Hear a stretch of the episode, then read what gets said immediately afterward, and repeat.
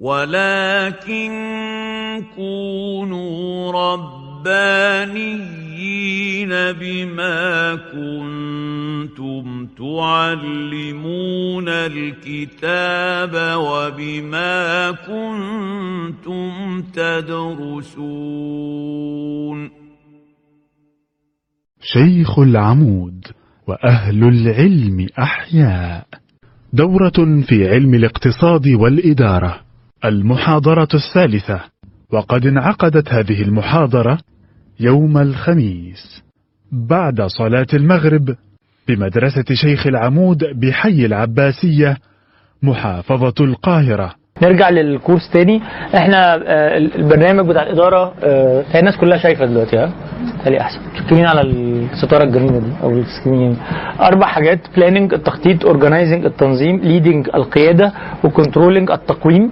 وقلنا إن دول الأربع functions أو الأربع أساسيات للإدارة وبالتالي المدير اللي بيدير سواء بيدير فريق بيدير شركة بيدير إدارة بيدير آه، أي حاجة آه، آه، هو محتاج يتقن الأربعة دول. مفيش واحدة آه، مش مهمة الأربعة مهمين. آه، يمكن التخطيط بيبقى ليه أهمية شوية لأن هي دي أول خطوة وبالتالي لما ما- ما- مش بقوا ليها اهتمام آه، كبير. ممكن تعطل لي بقية الحاجات فالأربعة محتاجين يبقوا مهمين مع بعض. اتكلمنا المرة اللي قبل اللي فاتت على التخطيط بالتفصيل وكملنا المرة اللي فاتت. المرة اللي فاتت بدينا بالتنظيم ال organizing ويا ريت بعد إذنكم عشان كان حد على ال group قال الموضوع اللغة. آه فلو في اي حاجة من اللي أنا بقولها يعني لغويا مش واضحة يعني اسالوني الموضوع بسيط يعني. آه وقلنا التنظيم هو عملية ال allocation أو توزيع الموارد على الحاجات المختلفة عشان أوصل لتحقيق الخطة. فأنا عندي خطة عايز أحققها. حطيت آه، آه، رؤية ورفعت الواقع وحطيت رسالة واستراتيجية. قلت كل الكلام الحلو ده لحد ما وصلت ال action plan أو خطة عمل. بعد ما وصلت ال action plan أو خطة عمل بقى مطلوب مني إن أنا أنفذ. هنفذ إزاي؟ ببتدي بمرحلة ال organizing أو التنظيم. في المرحلة دي باخد الموارد البشرية والمالية اللي عندي وأوزعها بما يمكنني إن أنا أحقق ال- الخطة بتاعتي. وكنا قلنا حاجة مهمة المرة اللي فاتت إن التنظيم مش هدف في حد ذاته. التنظيم أداة. آه، أو وسيلة لتحقيق الأهداف. في ناس بتحب النظام للنظام يعني تحب تبقى منظمة للتنظيم. ودول طبعا فوق دماغنا من فوق بس الناس دي مش. مش بتنجز حاجات كتير قوي في حياتها لأنها بتضيع وقتها عشان تنظم. وبالتالي ممكن يبقى أنا عندي آه، شوية أهداف قد كده بس حطيت لهم هيكل إداري قد كده. وفعلا إحنا ساعات بنخش نشتغل مع شركات تلاقي شركة فيها 30 40 موظف وهياكل إدارية وإدارات وقطاعات واجتماعات هم كلهم 10 تنفار لو يعني لو قعدوا على قهوة يخلصوا الشغلانة كلها يعني. آه، فهو التنظيم المفروض يكون حجمه متناسب مع حجم المو... حجم الشغل اللي أنا بعمله. وبالتالي لو أنا مؤسسة كبيرة محتاج هيكل كبير يناسب حجم المؤسسة. كل ما أقدر آه، آه، أنظم بأقل شكل ممكن كل ما يبقى أحسن. فهي العبرة مش بإن أنا يبقى عندي هيكل كبير ولا نظم كتيرة. العبرة إن أنا يبقى عندي الحد الأدنى المطلوب لتحقيق الأهداف. تمام؟ ده اللي اتكلمنا فيه على ال organizing المرة اللي فاتت بدينا قلنا في ثمان خطوات للتنظيم. أول خطوة defining ال inputs أو تحديد المدخلات بتاعتي وقلنا إن عندنا آه، زي أي مؤسسة عندنا ثلاث أربع أنواع من المدخلات. عندي البني آدمين الموارد البشرية. إحنا كنا كده في المره اللي فاتت. أنا بس عشان يعني ما نتوهش من بعض. آه، الموارد البشرية عندنا الحاجة الثانية الالات أو الأجهزة أو ال equipment عندنا الحاجة الثالثه ال raw materials أو المواد الخام وده آه، بيبقى ليه معنى لما بكون بتكلم في مصانع أو بتكلم في حاجة ليها مواد خام. والحاجة الأخيرة الفلوس اللي هي بتبقى مهمة. وقلنا إن هم أهم حاجتين هم المواد ال- ال- الموارد البشرية والفلوس. دول أكتر حاجتين بيشغلوا اهتمام وانتباه أي حد بيكون آه، بينظم أي فريق الموارد البشرية اللي عنده قد إيه والفلوس اللي عنده قد إيه. دايما في إحساس إن أنا ما عنديش موارد بشرية كافية ودايما في إحساس إن أنا معيش فلوس كافية. وقلنا إن آه، إحنا بطبعنا كبشر بالعموم بنميل إلى التقليل من حجم الموارد اللي معانا. آه، دايما ببقى عايز ناس أكتر دايما ببقى عايز فلوس أكتر. قليل قوي اللي تديله فلوس يقول لك الفلوس دي كفاية عشان تحقق الخطة. دايما عايز بادجت أكبر. آه، دايما عايز آه، ناس وتيمز أكتر. دي شيء طبيعي. في العمل الخيري طبيعي في الشركات طبيعي في أي حاجة طبيعي يعني النزعة لتقليل حجم الموارد اللي عندي شيء شيء معتاد للأسف يعني. وهو ده لما الإنسان بيكون عنده القدرة هو يدرك إن النزعة دي موجودة بيقدر يتغلب عليها بإن هو بيبتدي يبص نظرة مختلفة لل- للموارد بتاعته. الخطوة الثانية في التنظيم هو إن أنا أرفلكت على البلان أو إن أنا آه، أبص على الخطة اللي أنا حطيتها. لأن إحنا قلنا إن إحنا هدف التنظيم هو تحقيق الخطة. فأنا آه، بعد ما حددت الموارد بتاعتي محتاج أعيد أبص بصة تاني مرة للخطة. مش من وجهة نظر إن أنا هحطها من وجهة نظر إن أنا عايز أحققها. وبالتالي آه، محتاج أبص للخطة دي من وجهة نظر آه، إن أنا أفتكر إيه هي الرسالة بتاعتي أفتكر إيه هو رفع الواقع إيه هي الرؤية إيه هي الاستراتيجية إيه الأهداف إيه خطة العمل بتاعتي عشان أبص لتحقيقها. أكتر الناس اللي الواحد اتعامل معاهم في الحتة دي وبيبقى عندهم مشكلة هي الناس اللي بتيجي في وقت التنظيم تنسى الخطة. تبتدي تنظم للتنظيم تبتدي تحط آه، آه، آليات للتنظيم وهياكل إدارية عشان يبقى فيه هياكل إدارية. آه، تهتم جدا بمين هيريبورت لمين أو مين هيبقى مدير مين أو مين هيقعد مع مين أو دورية التقارير. طب هو مش نفتكر بس الخطة؟ فكتير من الناس بتسقط منهم ال- الخطوة دي. بيبقى أنا حطيت الخطة وبعدين نزلت على في التنظيم وأنا بنظم ما فكرتش بأي شكل من الأشكال في الخطة دي. فابتديت أنظم آه، وأنا غير قابه أو غير مهتم تماما أو غير مدرك للخطة دي هي إيه. آه، وبالتالي أنا محتاج بعد ما أعرف الموارد بتاعتي في الخطوة الأولانية قبل ما أوزع في الخطوة الثانية لازم أبتدي أبص على الخطة تاني وأفتكر الأهداف وأفتكر الرؤية وأفتكر أنا عايز أوصل ليه عشان أتأكد إن أي حاجة أنا هوزع لها موارد هتبقى متماشية مع الخطة اللي أنا عايز أعملها. تمام؟ طيب. عملت كده؟ اتفضل حضرتك.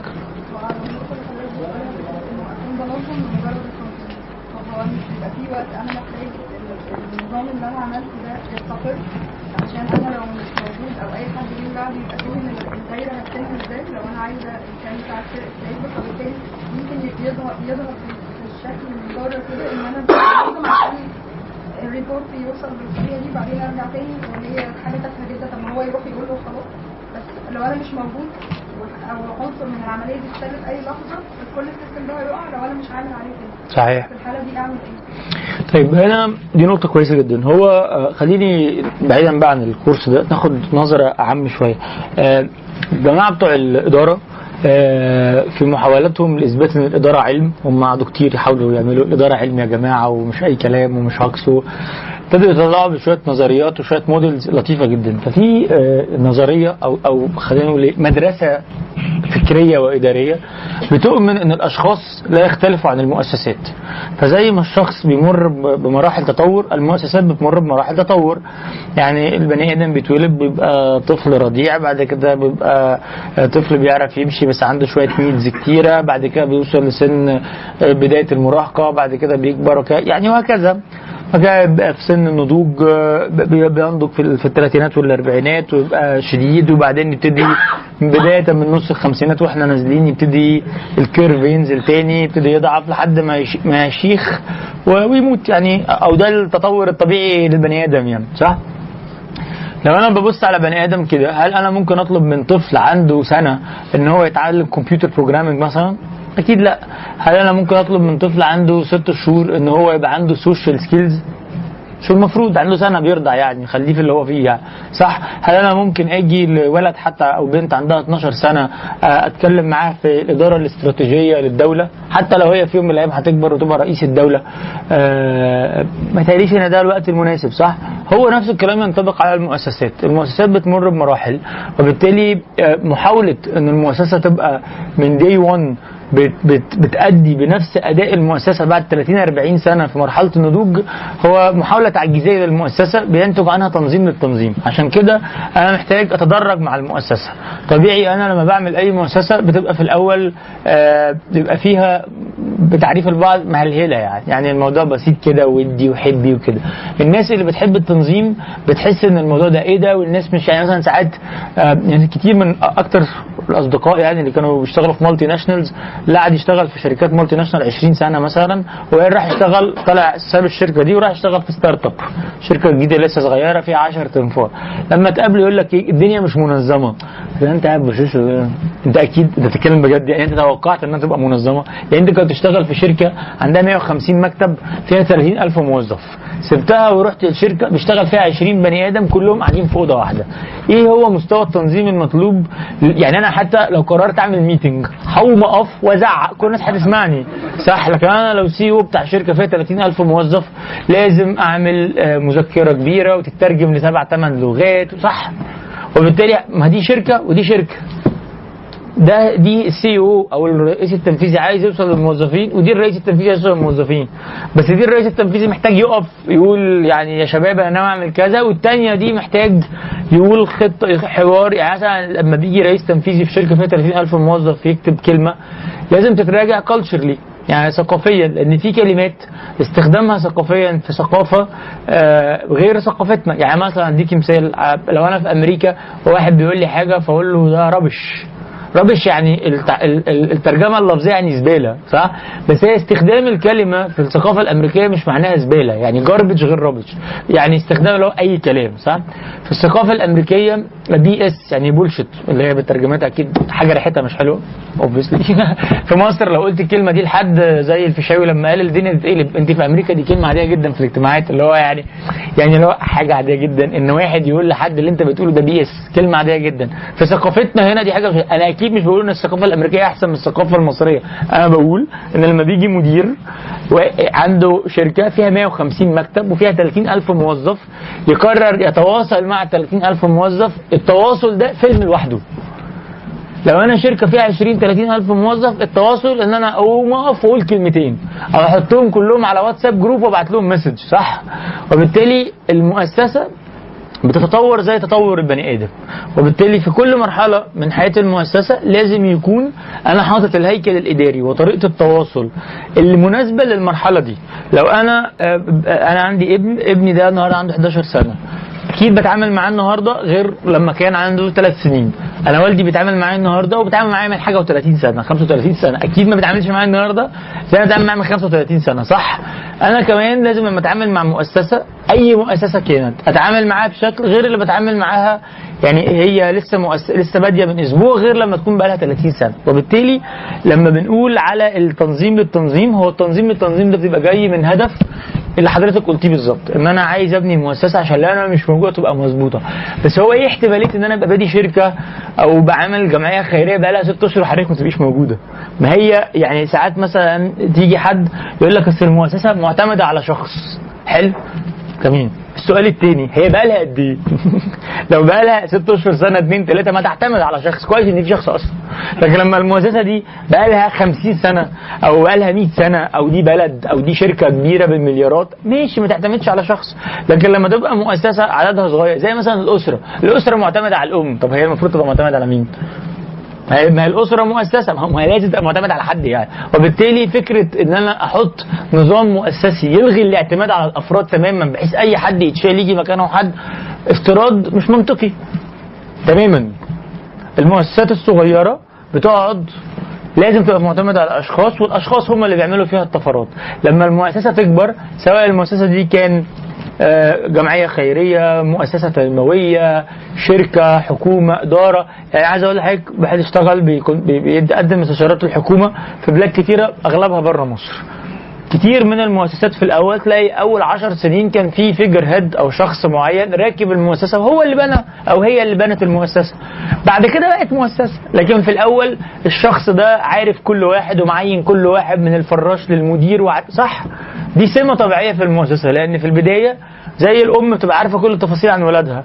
بعد ما بيعدي والولد يبقى عنده 40 50 سنة كمية التفاصيل اللي في حياته اللي امه وأبوه مش عارفاها بتزيد. فبالتالي آه، هنا دي نقطة مهمة. إحنا محتاجين نتعامل مع المؤسسة إنها ليها life cycle ليها تطور والتطور ده آه، كل مرحلة وليه سمات. وبالتالي أنا لو حطيت هيكل مؤسسي في المرحلة الأولانية آه، غير متناسب فده تنظير للتنظير ومؤسسية للمؤسسية.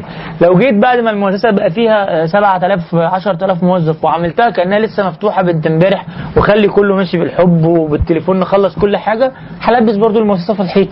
فهو إيجاد الشكل التنظيمي المناسب لحجم وطبيعة المؤسسة والمرحلة اللي بتمر بيها هو ده هو ده الصح.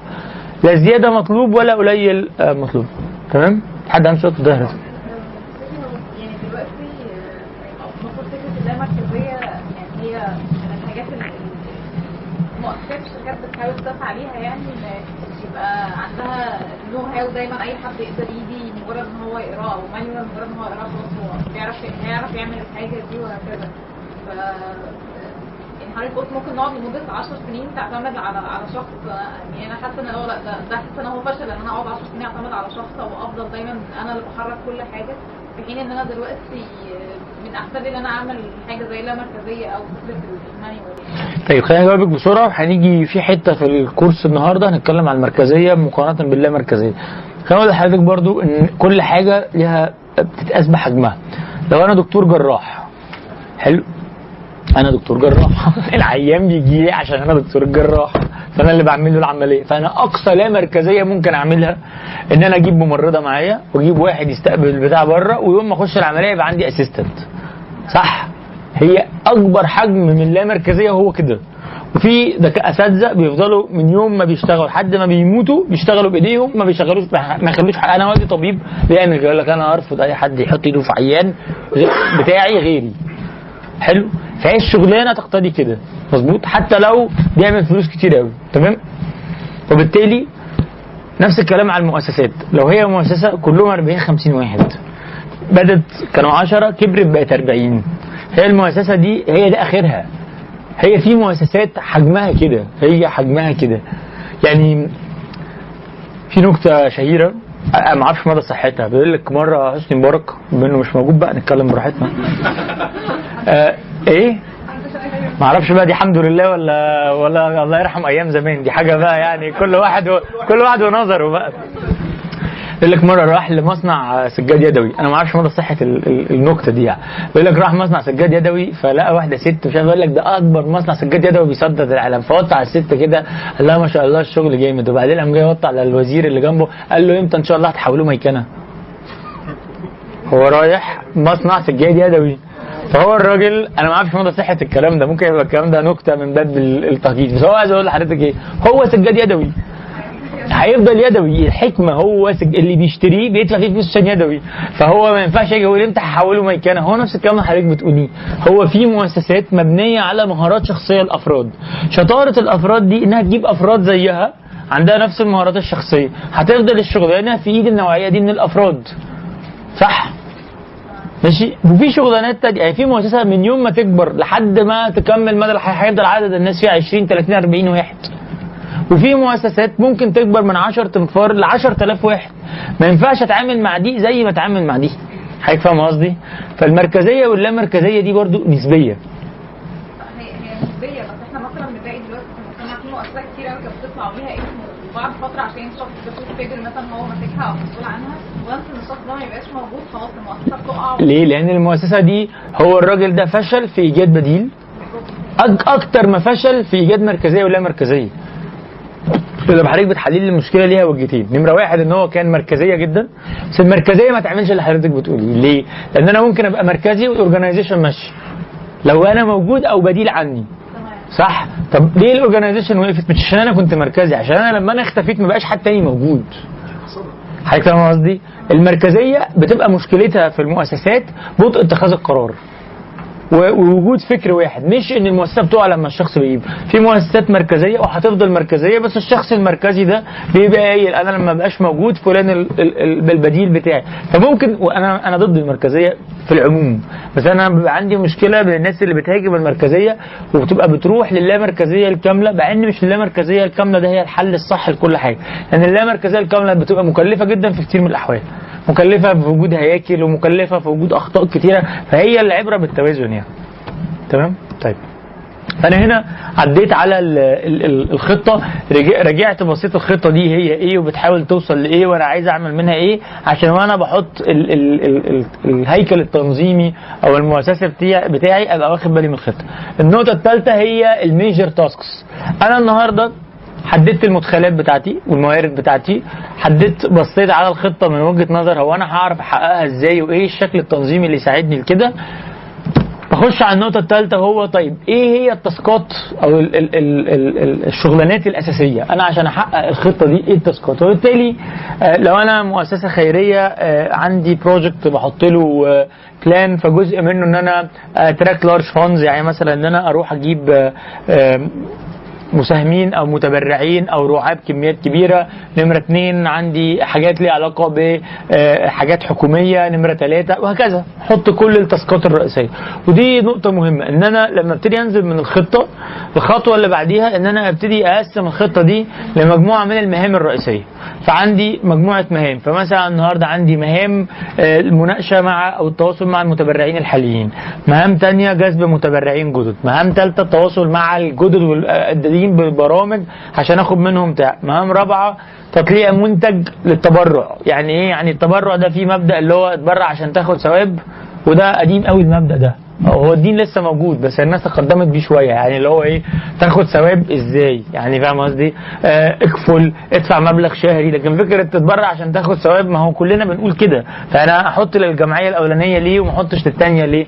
فيجي من هنا فكرة التميز. في واحد بيتبرع بيقول لك تعالى اعمل صدقة جارية في واحد بيقول لك تعالى اعمل وقف. فيبتدي الناس ده بيسموه منتج خيري. يعني منتج أو أو برودكت معين أنا بروح اتبرع أو مسار أو مكان حاجة وعاء خيري معين. حد بيحط فيه. فدي كلها task ات. فأنا بجمع بحط ال major task. قام جاي عامل listing لل task ات. وال task ات دي أنا بجيبها منين؟ أو المهام دي بجيبها من ال action plan اللي أنا كنت عاملها في التخطيط.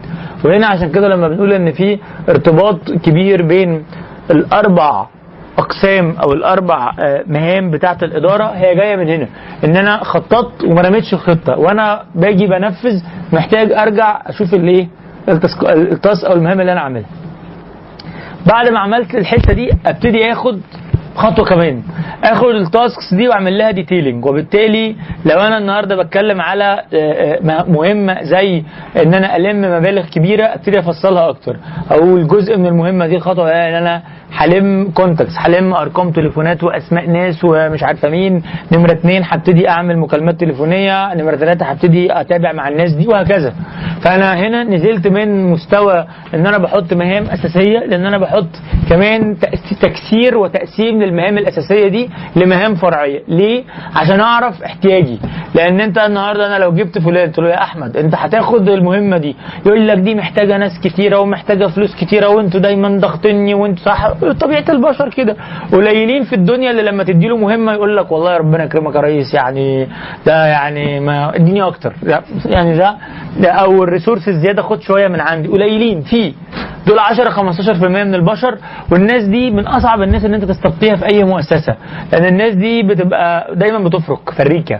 فما تعرفش تقعده في حتة. دايما عايز يتحرك بسرعة. فالمؤسسة عشان تحتفظ بهؤلاء النوعية من الناس بتبذل مجهود رهيب إنها تديهم دايما مساحات يتحركوا فيها. بس ال- غالبية البشر دايما لما هتيجي تخش معاه في المهام بتاعته هتلاقيه دايما بيجادل. المهام هتاخد وقت أطول وبالتالي تقسيم التاسكات أو المهام الرئيسية لمهام فرعية نقطة مهمة. فابتدي اقسم لمهام فرعية. حد عنده سؤال لحد كده؟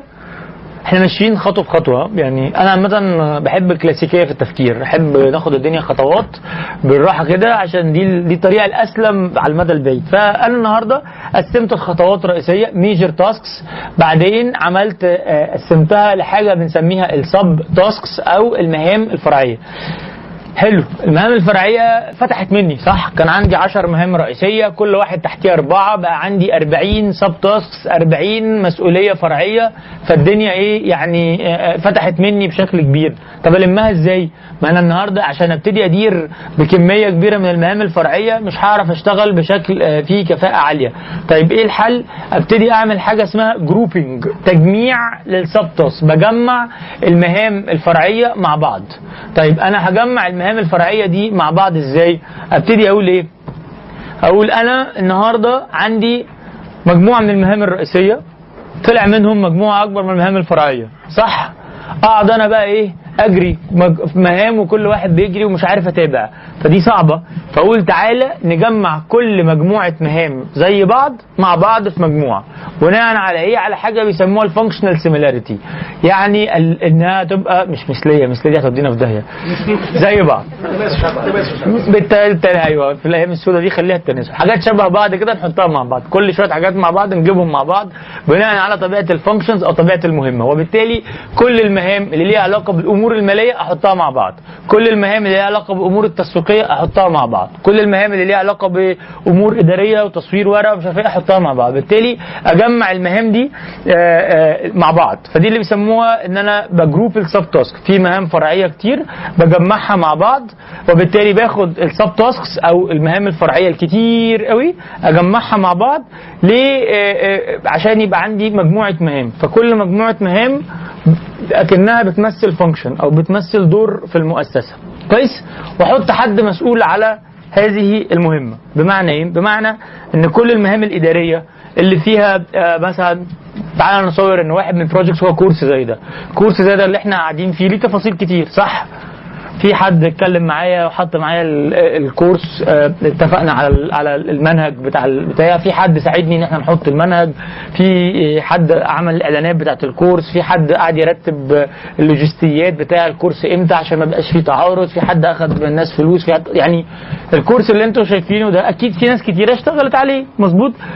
يعني ممكن يكون في شخص عمل كل ده لوحده. ده حاجة جميلة. بس لو هو مدرسة زي اللي إحنا فيها دي فيها عدد الدورات الرهيبة دي صعب واحد يكون عمل كل الدورات دي. فمن فأكيد الدورات دي بمرور الوقت اتقسمت. في حد مسؤول على كل اللوجستيات في حد مسؤول على كل المادة العلمية في حد ماسك ال social media. صح؟ مظبوط؟ هي دي عبارة عن إيه؟ هي الناس عملت كده.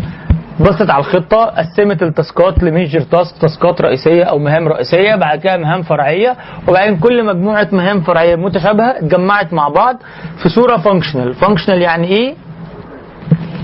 وظيفية صح كده. وبالتالي بقت ليها تجربة وظيفية. فالحاجات دي اللي هي يغلب عليها إنها إدارية هندور على حد إدارجي يديرها. الحاجات اللي يغلب عليها الطابع التسويقي ندور على ده. الحاجات اللي فيها تواصل مع محاضرين والمحاضرين عامة من أرذل الناس في الترتيب معاهم صح؟ لا لا لا عارف والله. ارذل الناس ودايما عندهم طلبات ودايما مقرفين ودايما ما بيردوش على التليفون ودايما بيتأخر. طبيعي. وبالتالي عايزة شخصية مختلفة. اللي بيتابع مع الناس على الفلوس والدفع والمجاي يعني صح في تفاصيل كتيرة. هل الشخص المناسب إن هو يقعد على ال social media ويرد على أسئلة الناس مناسب إن هو يتواصل مع المحاضرين؟ مناسب على إن هو يظبط اللوجستيات والمكان؟ مناسب على إن هو يلم من الناس الفلوس ويبقى عنده بتاع ويطلع فواتير ويروح؟ هل هل هل في شخص بيعرف يعمل كل الحاجات دي؟ زي بعض بنفس الكفاءة؟ أكيد لأ. وبالتالي تج- تجميعة الحاجات بناء على القدرات ال- بناء على التشابه آه، بحيث إن كل مجموعة متشابهة تنفع تبقى وظيفة هي دي الخطوة النهارده المهمة. بعد ما قسمت حاجة مهام أساسية بقت مهام فرعية آخد كل شوية مهام فرعية واقسمها مع بعض. وبالتالي مهام التواصل في ناس عندها ربنا اداها قدرات تواصل عالية جدا صح؟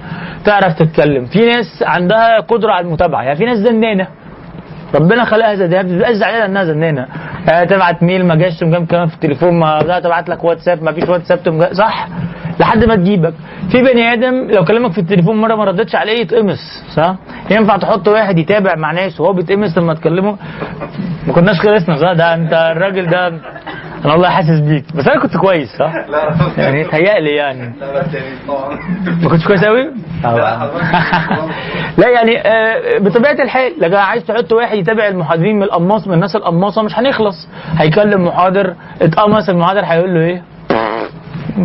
طب أنا غلطان. أغلبية البشر هيفكروا كده. فأنت عايز واحد اللي بيتابع مع المحاضرين يبقى عنده قدرة إن هو يتواصل ب 20 طريقة واللي ما يردش يرد تاني ويبعت لك ال mail ويتأكد إن ال mail وصل ولو ال mail يوصل طب معلش رد صح وإلا هنلاقي إن ال- ال- ال cycle نفسها في حاجة وقعت. نفس الكلام الشخصية دي مش بالضرورة تبقى أحسن شخصية في إدارة الفلوس.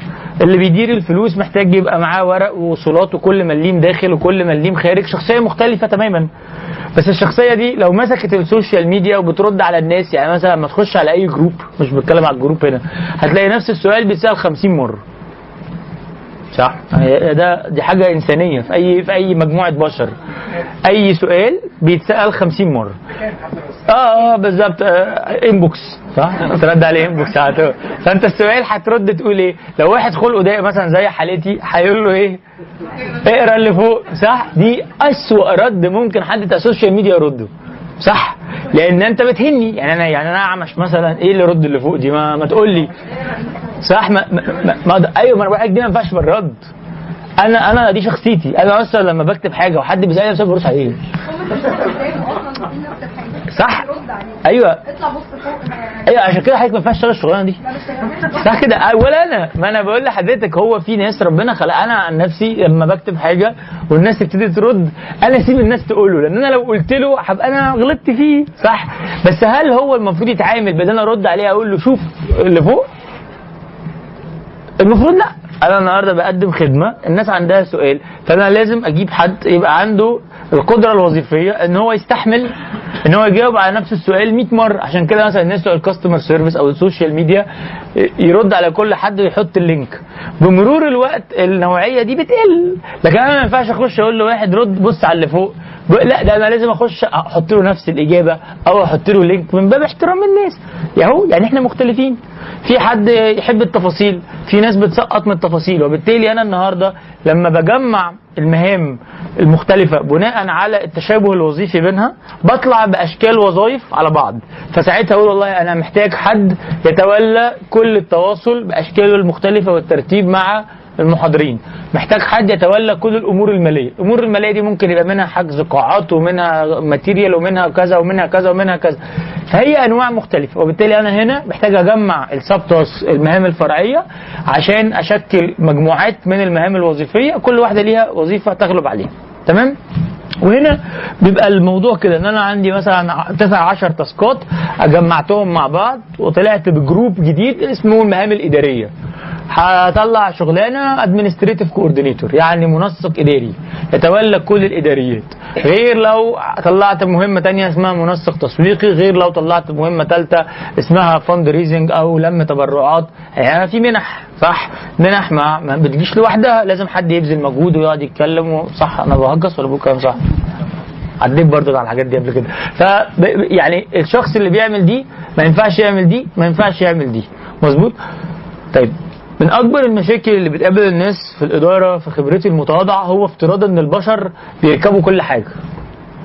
صح؟ إن اللي بيعرف يسوق المفروض يكون بيعرف يعمل شغل الإداري المفروض يكون بيعرف يشتغل في الفلوس المفروض يكون بيعرف يرتب الحاجة. يعني في ناس عندها قناعة إن البني آدم ما هو إلا روبوت صغنن بيشتغل على كل حاجة. أنت اشحنه بس وحطه هيدوس على طول. ودي من أسوأ الحاجات. فكتير من الناس لما بتقسم بعد ما بتجمع المهام وهي بتقسم مين هيعمل إيه ما بتبقاش واخدة بالها من الاختلاف الكبير بين الناس وبعضها. عشان كده ممكن أنا كتير من في الشغلانات حتى مش في المؤسسات الخيرية في الشغل لما بنروح وبنشتغل مع عميل وأنا بنقدم له استشارة فممكن تلاقيه مثلا غضبان على موظف عنده. والموظف ده أو الست دي هم مش مناسبين هو ما بيشتغلش. لما تيجي تبص تلاقي في اختلاف جذري بين طبيعة شخصية الموظف ده وبين الشغلانة اللي هو بيشتغل فيها. دي خطأ مين؟ الاثنين. خطأ اللي عينه في الشغلانة دي وخطأ اللي وخطأ اللي وافق ياخد الشغلانة اللي مش مناسبة لشخصيته. لكن هو الخطأ الأكبر عند اللي عينه لأن اللي عينه ده المفروض عنده خبرة أكتر فيعرف يتست البني آدم ويشوف قدراته. المفروض الموظف يكون بيعرف نفسه بس في كتير من بلادنا الموظف ممكن ما بيبقاش أو البني آدم ما بيبقاش عارف قدراته الشخصية إيه. ما عملش آه، أنواع من أنواع الاختبارات ما جربش حاجات كتيرة فهو إيه؟ اللي جاله أخده. يعني كان قاعد ف باباه ولا عمه ولا خالتها ولا خالها ولا مامتها جابت لها شغلانة فهي شغلانة بدل ما إحنا قاعدين في البيت. وبالتالي إحنا في كتير من الأوقات آه، بيبقى في مشكلة في المؤسسة ومشكلة في التنظيم. مش نتيجة إن أنا مجمع الحاجة غلط ولا نتيجة إن الإنسان وحش. هي نتيجة إن أنا ركبت البني آدم الغلط على الحاجة اللي مش مناسبة ليه لو أنا جبت البني آدم ده نفس البني آدم وحطيته في حاجة بيحبها مناسب ليها عنده الخبرة فيها ممكن ي perform أو ينجز بمستوى مختلف تماما. كويس؟ حد عنده؟ تمام؟ كويس. جمعت أنا ال sub tasks أو ال- ال- ال- ال- المهام الفرعية لمجموعة من المهام بناء على تشابهها الوظيفي أو وظيفتها. ببتدي أشتغل على مرحلة ال resources allocation أو توزيع الموارد. resources allocation هي مرحلة توزيع الموارد. يعني إيه توزيع الموارد؟ يعني أنا النهارده من الأول أول خطوة خالص إن أنا عملت تحديد للموارد بتاعتي. وبعدين قعدت بصيت على الخطة ورجعت بصيت عليها وبعدين قسمت الحاجة لمهام رئيسية ثم مهام فرعية لميت بعد كده المهام الفرعية في شوية وظائف النهاردة جاء الوقت إن أنا أوزع الموارد بتاعتي سواء الموارد دي مالية أو بشرية على المهام الأساسية والوظائف فاجي بعد كده تاني أقول إيه أنا عندي بني آدمين. وعندي equipment وعندي raw material أو مواد خام وعندي فلوس. التبسيط في أغلبية الحالات بقى بني آدمين وفلوس. هاجي أوزع البني آدمين بتوعي والفلوس اللي معايا على اني وظائف. دي دي نقطة مهمة لأن أنا ممكن آجي أختار الشخص الغلط أحطه. أجيب واحد خلقه ضيق يخش على ال social media يرد على الناس. يكره الناس كلها في المكان. صح؟ وممكن مجرد الشخص الغلط ده لو دخلته في حاجة تانية مناسبة أكتر جبت واحد شخص عنده سعة صدر أكتر للتواصل مع الناس يحبب الناس في المكان صح يعني تجربة ال social media في السنين اللي فاتت أثبتت إن في brands في البلاد مش بس في مصر اللي ماسك ال social media ممكن يطلع بال brand في السماء أو ينزل بيها في الأرض حسب قدرته على إدارة واحتواء الناس دمه خفيف أو هو فاكر دمه خفيف يعني يعني شفنا ناس دمها خفيف بجد بتحبب الناس في الصفحة وشفنا ناس فاكر إن دمها خفيف بتكره الناس في ال brand اللي هي بتبيعه صح؟ وبالتالي بتيجي نقطة مهمة إن أنا باجي أبص على آه، آه، نقطة رئيسية. أنا حطيت الخطة وحطيت المهام وعملتها مهام فرعية وجمعتها ببتدي أحط حاجة اسمها ال needed resources يعني الموارد اللي أنا محتاجها. كويس؟ الموارد اللي أنا محتاجها دي عادة بتيجي إزاي؟ عادة بتيجي إن أنا قسمت الشغل على ناس. يعني أنا عندي task ات رئيسية جمعتها في وظائف فعينت في مشروع حد administrative coordinator منسق إداري وواحد منسق تسويقي وواحدة ماسكة ال social media وواحد ماسك واحدة ماسكة الأمور المالية. والأربعة خمسة دول جمعتهم في اجتماع وقعدتهم مع بعض. عشان نعمل إيه؟ عشان نقسم الموارد بتاعتنا المالية والبشريه علينا إحنا على الأربع خمس وظائف دول. حلو؟ إيه أول سؤال بتسأله للناس؟ بتساله لكل واحد. يعني انت جبت الأربعة خمسة دي في قعده بتسالهم إيه؟ محتاجين إيه؟ أسأل سؤال. يا جماعة إحنا وليناك الموارد المالية. انت بقى مسؤول عن كل الأمور المالية. محتاج إيه؟ اديني بقى ليست أنا والله محتاج جهاز كمبيوتر محتاج نظام حسابات كذا محتاج يبقى عندي كذا عايز مش عارفة مين محتاج محصلين عددهم كذا كذا كذا. لو ينفع الناس تدفع بالفيزا فشوف لي نظام. صح يدي لك ليستة requirements طويله عريضة لأن دي الحاجات اللي هو محتاجها عشان ينجز شغله بأكمل وجه ممكن. صح. هل أغلبية البشر بيطلب أكتر من اللي هو محتاجه ولا أقل من اللي هو محتاجه؟ أكتر. هل ده بسبب إن الإنسان وحش ولا بسبب إيه؟ طبيعته. هي طبيعة البني كده. وفي ناس بتحب تأمن نفسها. في مبدأ برضو أنا أطلب 10 فآخد 8 فأنا لو عايز 8 أطلب 10 عشان كده ده الفصال وهو ده طبع. الفصال في الحياة ده أمر طبيعي يعني.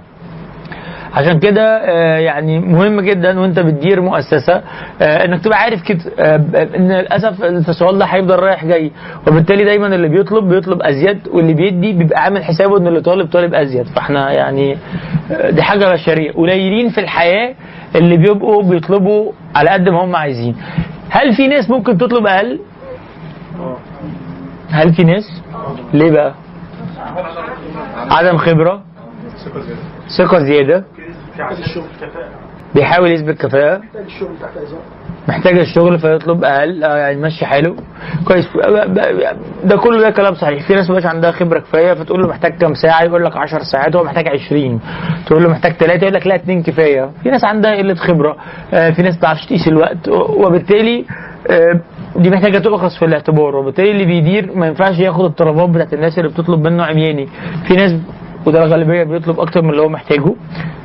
في ناس وده القليل بيطلب أقل من اللي هو محتاجه سواء إن هو شايف نفسه شويتين سواء عايز يثبت نفسه سواء ما عندوش خبرة أو ما عندهاش خبرة كافية. في الآخر بعض الناس ممكن تطلب آه، أقل من احتياجاتها وبالتالي أنا محتاج أشوف الموضوع ده. ولكن في العموم 80 90% من الحالات الناس بتطلب أكتر من احتياجاتها آه، عشان تأمن نفسها. واللي بيطلب منه بيبقى عارف إن هو بيطلب منه أكتر من المطلوب علشان الناس بتأمن نفسها صح. يعني دي شيء طبيعي. وبالتالي دايما في أي قعدة توزيع موارد مالية أو إدارية بيبقى الموضوع مبني على إيه؟ الحب كده. لا الفصال دي شكلها وحش. الفصال ده الحب يعني. المفاوضات. ما المفاوضات كلها حب. كم؟ في حالة ممكن يفرق فيها أكثر أو أقل بناء على إن الأمور مش واضحة.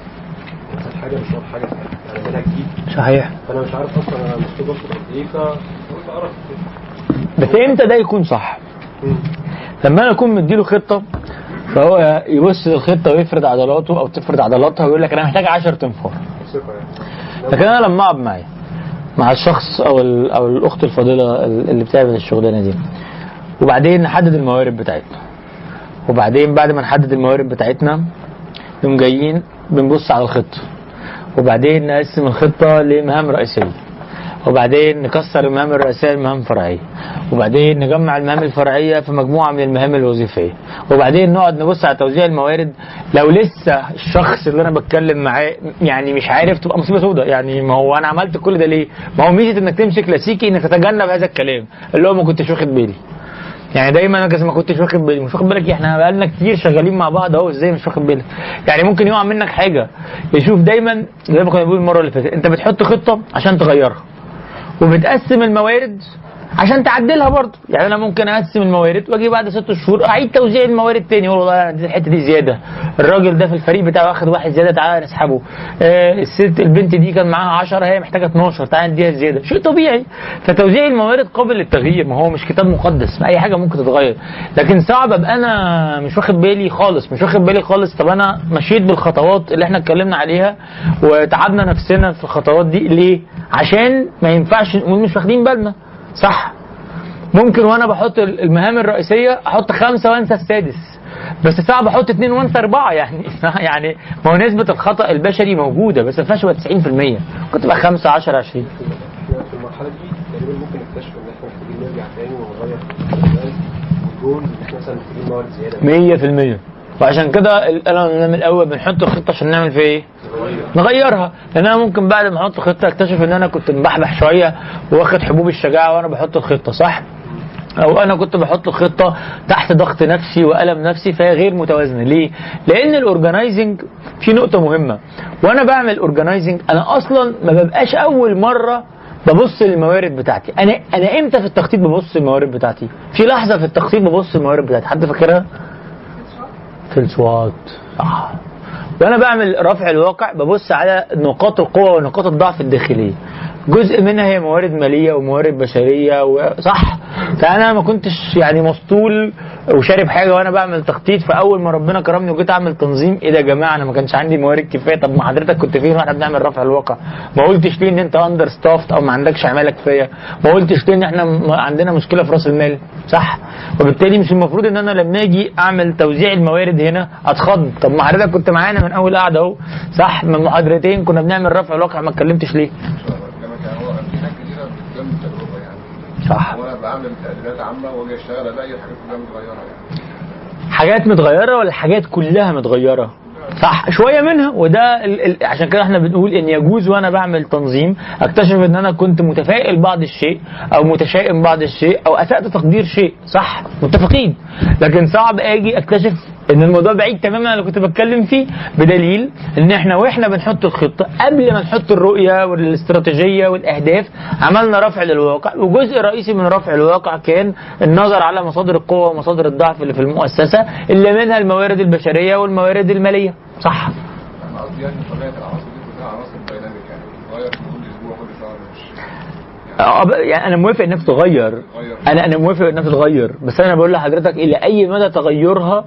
يعني هل هي ممكن تتغير بنسبة 90% يعني مش كتير لكن أنا بقول لحضرتك لما ال 10 20% دي تحصل مفيش مشكلة نرجع نغير الخطه بس أنا بقول لحضرتك كتير من من الناس أنت حضرتك بتيجي تقعد معاه آه، بيجي وهو بيحط معاك الخطة. في ناس كده. آه، والدي يقول لك أسد علي في الحروب نعامة حاجة صح؟ في كده؟ إيه؟ نعجة غزالة. أي حاجة حاجة كده مش جامدة يعني. نعجة نعامة. كان دايما هو كده تيجي تقعد معاه في الخطة إحنا جامدين وزي الفل. تعالى بقى أنت خد حتتك. أصل كتير عليا. أصل إحنا محتاجين ناخد بالنا إن السوق مش كويس. يا ابن الذين ما إحنا قاعدين مع بعض في نفس الأوضة دي من أسبوعين بنحط رفع الواقع. وكنت شايف إن إحنا هنكسر الدنيا صح؟ أول ما أنت خدت حتتك من التورتة خفت. طب أنا مالي أنا؟ يعني مظبوط وبالتالي هو عشان كده محتاجين يكون في منهجية. إحنا عملنا رفع للواقع بنحاول نعمله بأكثر درجة من الأمانة ومن الموضوعية عشان بعد ما نوصل لمرحلة إن إحنا بنعيد توزيع بن بنوزع الموارد يبقى توزيع الموارد منطقي. بس أنا مش المفروض أبقى عامل رفع للواقع امبارح أجي النهارده النهارده بقسم الموارد بتاعتي دي على ال ال ال الوظائف المختلفة أكتشف إنها اتغيرت 100% ما خلي بالك الفرق بين ال planning وال organizing مش سنتين. نتكلم في حاجات ورا بعض يعني.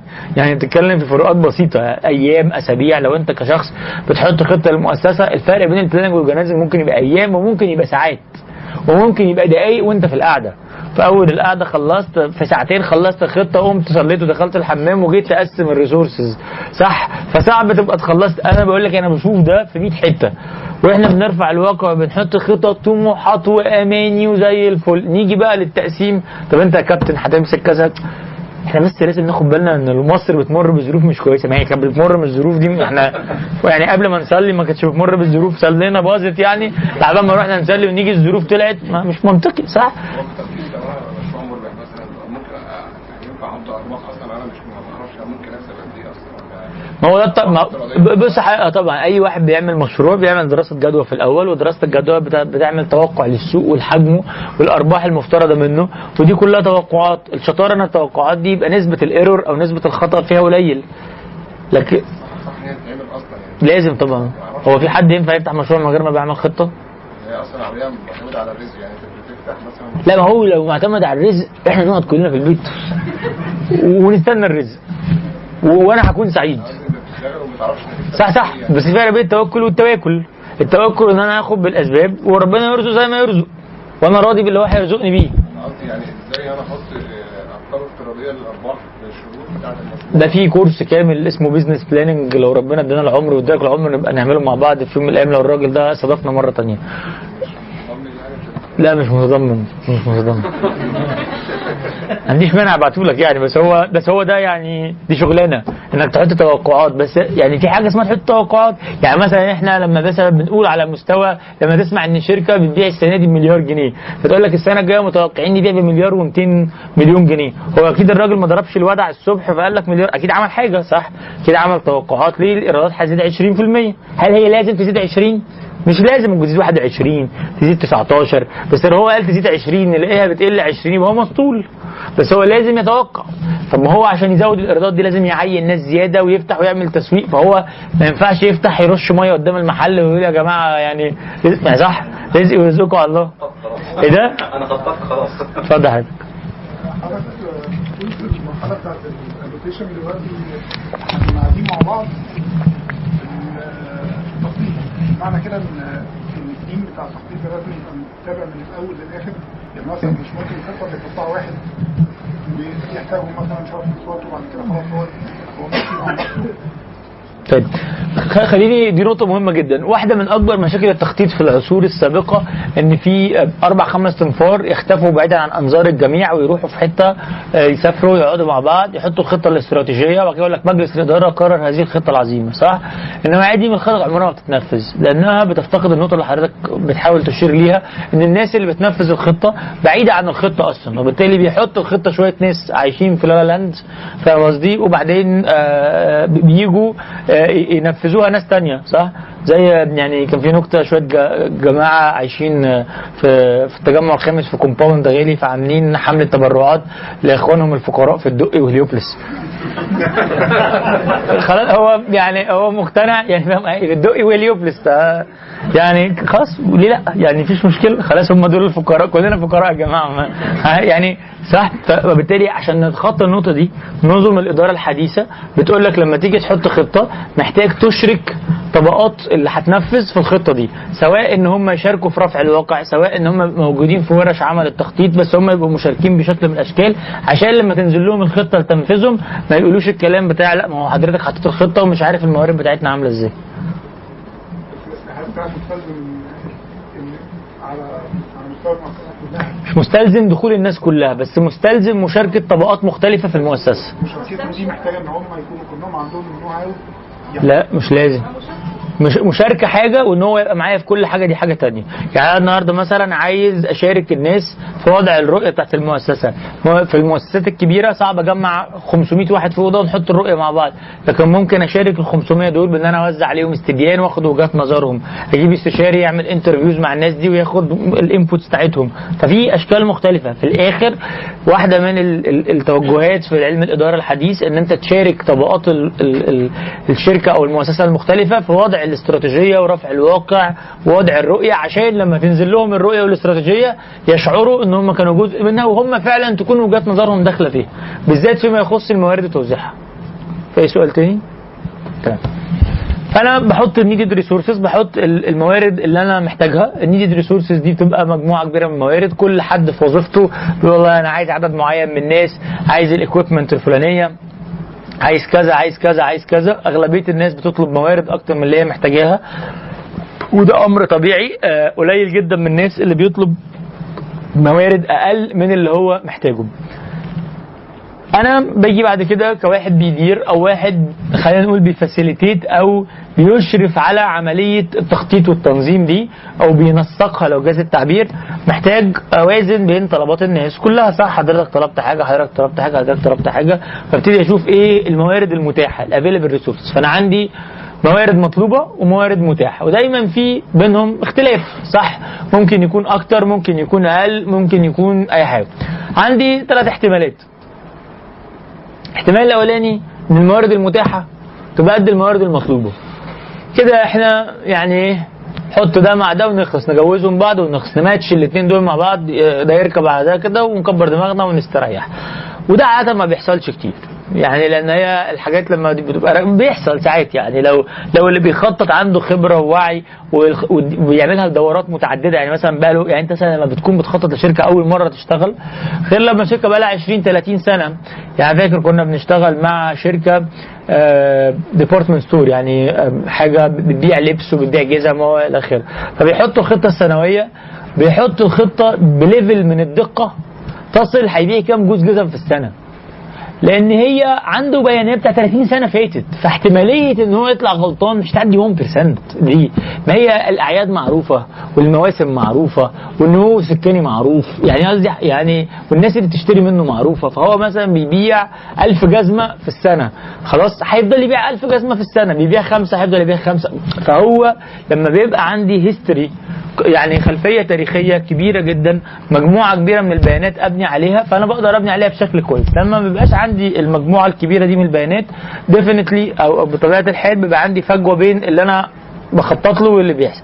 وبالتالي كل ما بتزيد الخبرة وبتزيد دورات التخطيط كل ما القدرة بين إن اللي أنا عايزه والمتاح بيبقى قريب من بعض إن لم يكن زي بعض. عامة لو اللي أنا عايزه هو المتاح الحمد لله رب العالمين نمشي بالخطة على طول ونتحرك ونقسم والدنيا تبقى زي الفل. طيب لو اللي أنا عايزه أقل من المتاح يعني طلع المتاح أكتر. أعمل إيه؟ هل ده ممكن يحصل؟ ممكن. ممكن يحصل جدا. جدا. يعني ساعات مثلا تبقى أنت مثلا بتدير شركة عندك أربعة خمسة فانكشنز ده حد ماسك تسويق ده حد ماسك كذا وأنت عامل خطة مثلا أنا هحط في دي 50000 دولار. روح اعملوا لي خطة. يقول لك بخطة 20000 دولار. يعني أنتوا يا جماعة كل اللي عايزينه 20000 دولار عندك اختيار من الاثنين. تقول لهم خلاص أنا هاخد 30 دولار احطهم في جيبي. يا تقول لهم ارجعوا اعملوا إيه؟ اعملوا خطة يعني كبروا كبروا الخطة. فدي ده الاختيار الثاني بنسميها stretch the plan يعني إيه؟ بال stretch كده مطها شوية. يعني انت عايز تحقق الحاجات دي؟ لا حقق أكتر. وصلني لأكتر انجز لي أكتر آه، آه، آه، انتج أكتر. حلو. ليه؟ لأن أنت عندك موارد. فأنا النهارده مثلا جيت قلت لك انتج لي الحاجات دي طلعت إن الحاجات دي بتنتج ب 70% من طاقة ال- المكان. بس أنا عندي 100% و30% الباقيين أنا دافع مرتباتهم ومشغلهم كل حاجة صح؟ فزود الإنتاج. ليه لأ؟ الانتاج ده ممكن يبقى شركة بتقدم خدمات تزود الخدمات اللي بتقدمها مصنع بينت يعني وتفر شكل الإنتاج. فالاحتمال التاني إن يبقى يكون في فائض إن الحاجات اللي أنا محتاجها أقل من اللي عندي ده احتمال موجود. وتاني في ناس بطبعها مدبرة في ناس بطبعها بتعرف تلم في ناس بتبقى بتحاول تمشي very conservative وفي ناس ثالثه عندها deficit دايما يبقى اللي هي عايزاه أكتر بكتير من المتاح. وده مش بالضرورة يبقى عيب الشخص ده ممكن يكون الحقيقة. إحنا لما حطينا خطة كنا متفائلين شوية واخدين هرمونات الشجاعة. آه فيلا يا جماعة اديني حط خطط خطط خطط خطط خطط. تعالى بقى انفذ الكلام ده.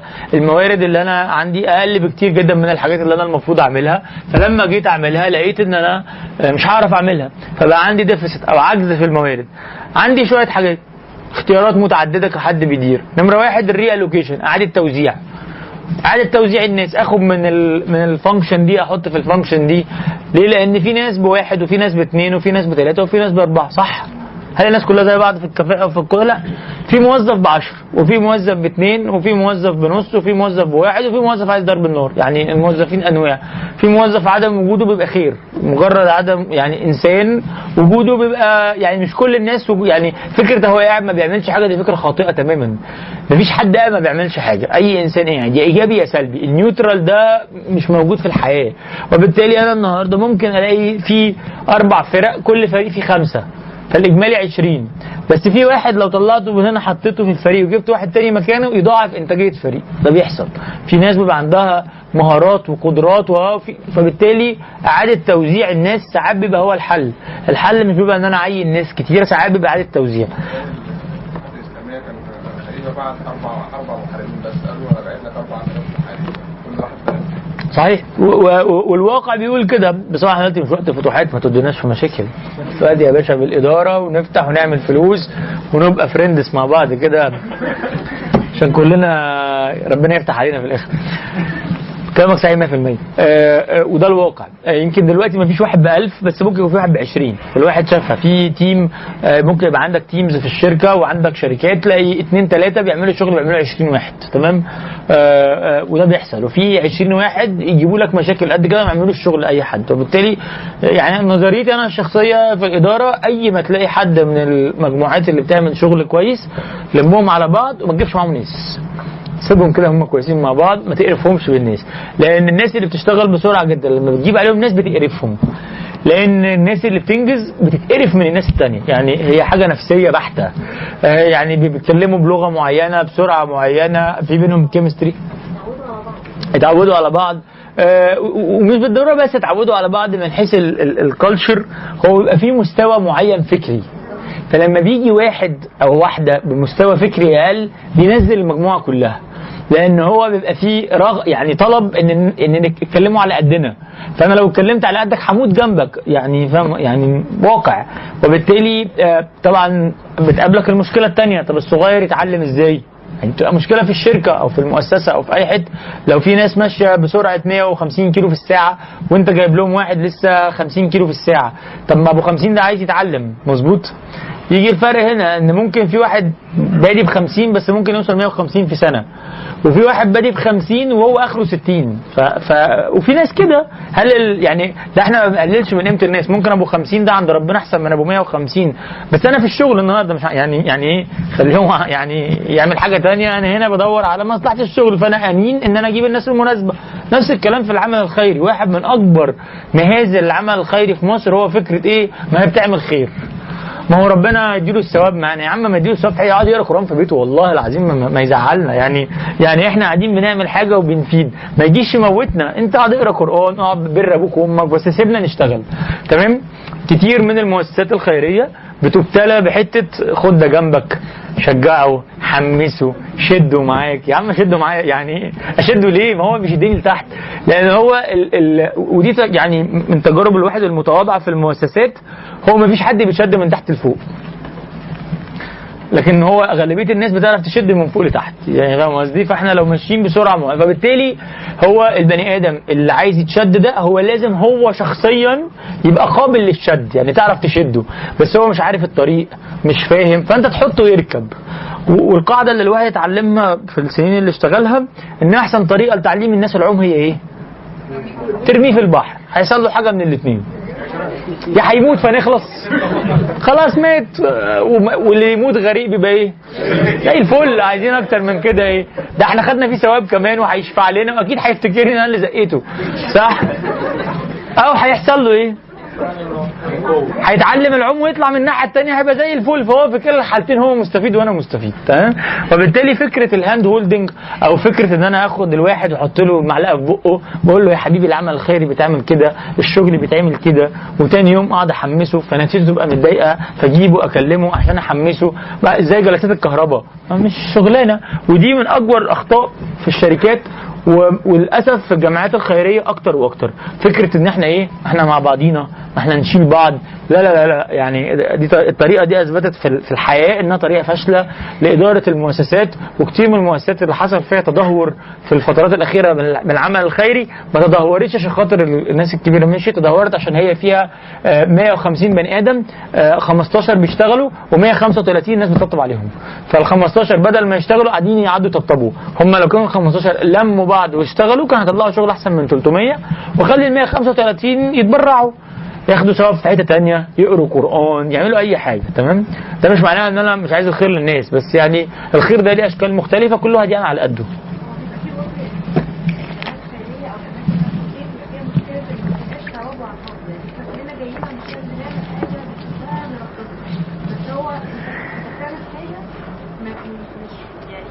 وبالتالي مفيش خمسية كافية وبالتالي مفيش بقى استيميشن مفيش ان أنا آه، اديله جدا مفيش القصة دي صح. فهي بتبقى الفكرة كمان في حتة انه مش بس في إن هو بديله شغل قليل لا أنا كمان بطبطب لما ببقى ما بيغلط وده أكبر غلط.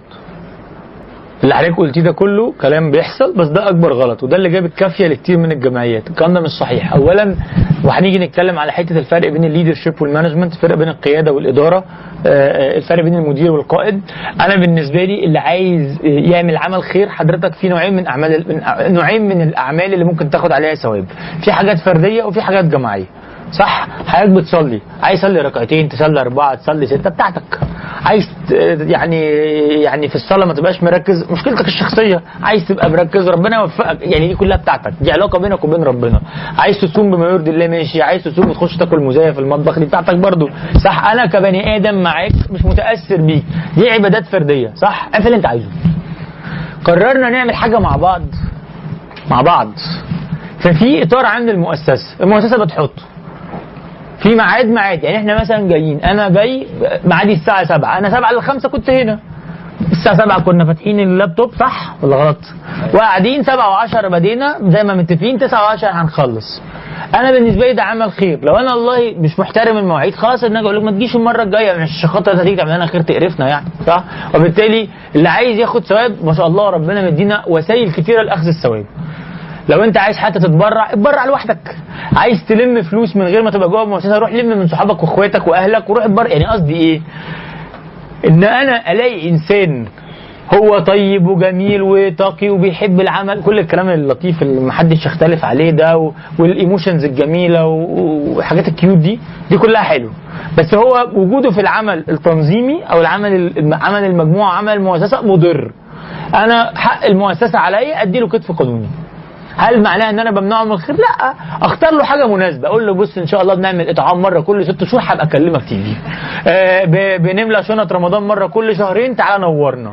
يعني صح؟ تعالى عندي يعني, يعني أنا مش بمنع عنك الخير. أنا بدي لك العمل الخيري اللي مناسب ليك. هل ده معناه إن أنت عند ربنا أنا أحسن منك؟ خالص.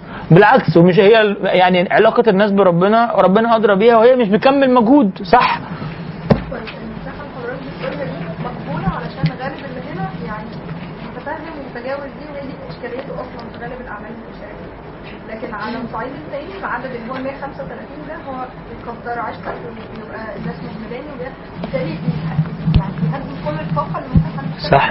كتف قانوني. بقى؟ يعني بقول لك اديله كتف قانوني. إحنا 15 واحد. هنعمل إيه مع ولا حاجة أنا بقول لك كتف قانوني كتف قانوني. ما هي كتف قانوني هو اسمه كده. أيوه لل 135 أنا هقول لحضرتك يعني أيام ما كنا بنشتغل في الجامعة في الأعمال الخيرية كان عندنا المشكلة دي. فمرة من المرات قعدنا نتخانق فقلت بصوا يا جماعة إحنا عندنا زي مؤسسة كده فيها ممبرز إحنا هنعمل منه الممبرز نوعين. active members و associate members يعني ناس آه، آه، يعني شغالين وناس زي ما تقول يعني بيعدوا منتسبين للمؤسسة بيعدوا في المناسبات. انت member واخدك بالحضن وابوسك وحبيبي وابعت لك mail ات بس في الآخر تعال انت في الحاجات اللطيفة. في ناس بتحب الحاجات اللطيفة. يعني في بعض الناس في العمل الخيري أول ما يبقى في مجموعة تلاقيه شوية نشاط.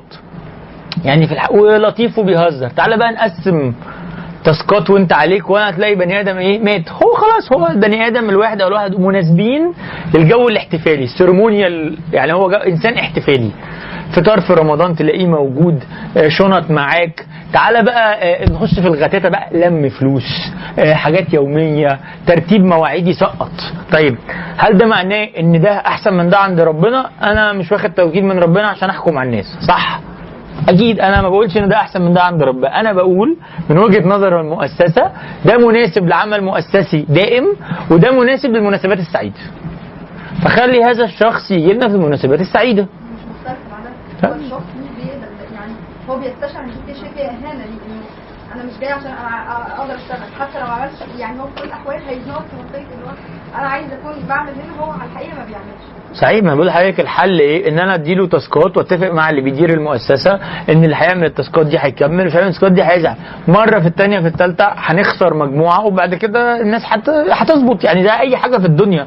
بس في الآخر المؤسسة هتكمل. بقول لحضرتك أغلبية المؤسسات بتقف لأن بتحاول إن 10% من الناس بيدوا 90% من الباقيين. فال 10% دول بمرور الوقت وقتهم بيتشغلوا بيشتغلوا وبيتجوزوا وبيخلفوا وأهلهم بيبقوا عيانين. فبيبقى بيجي يبص طب أنا الوقت اللي بديه العمل الخيري قد كده 90% منه بدادي على الناس وبيرمي ما هو يعني ما اللي عدى بالتجربه دي عدى بيها كده كان في سؤال اتفضل حط عليك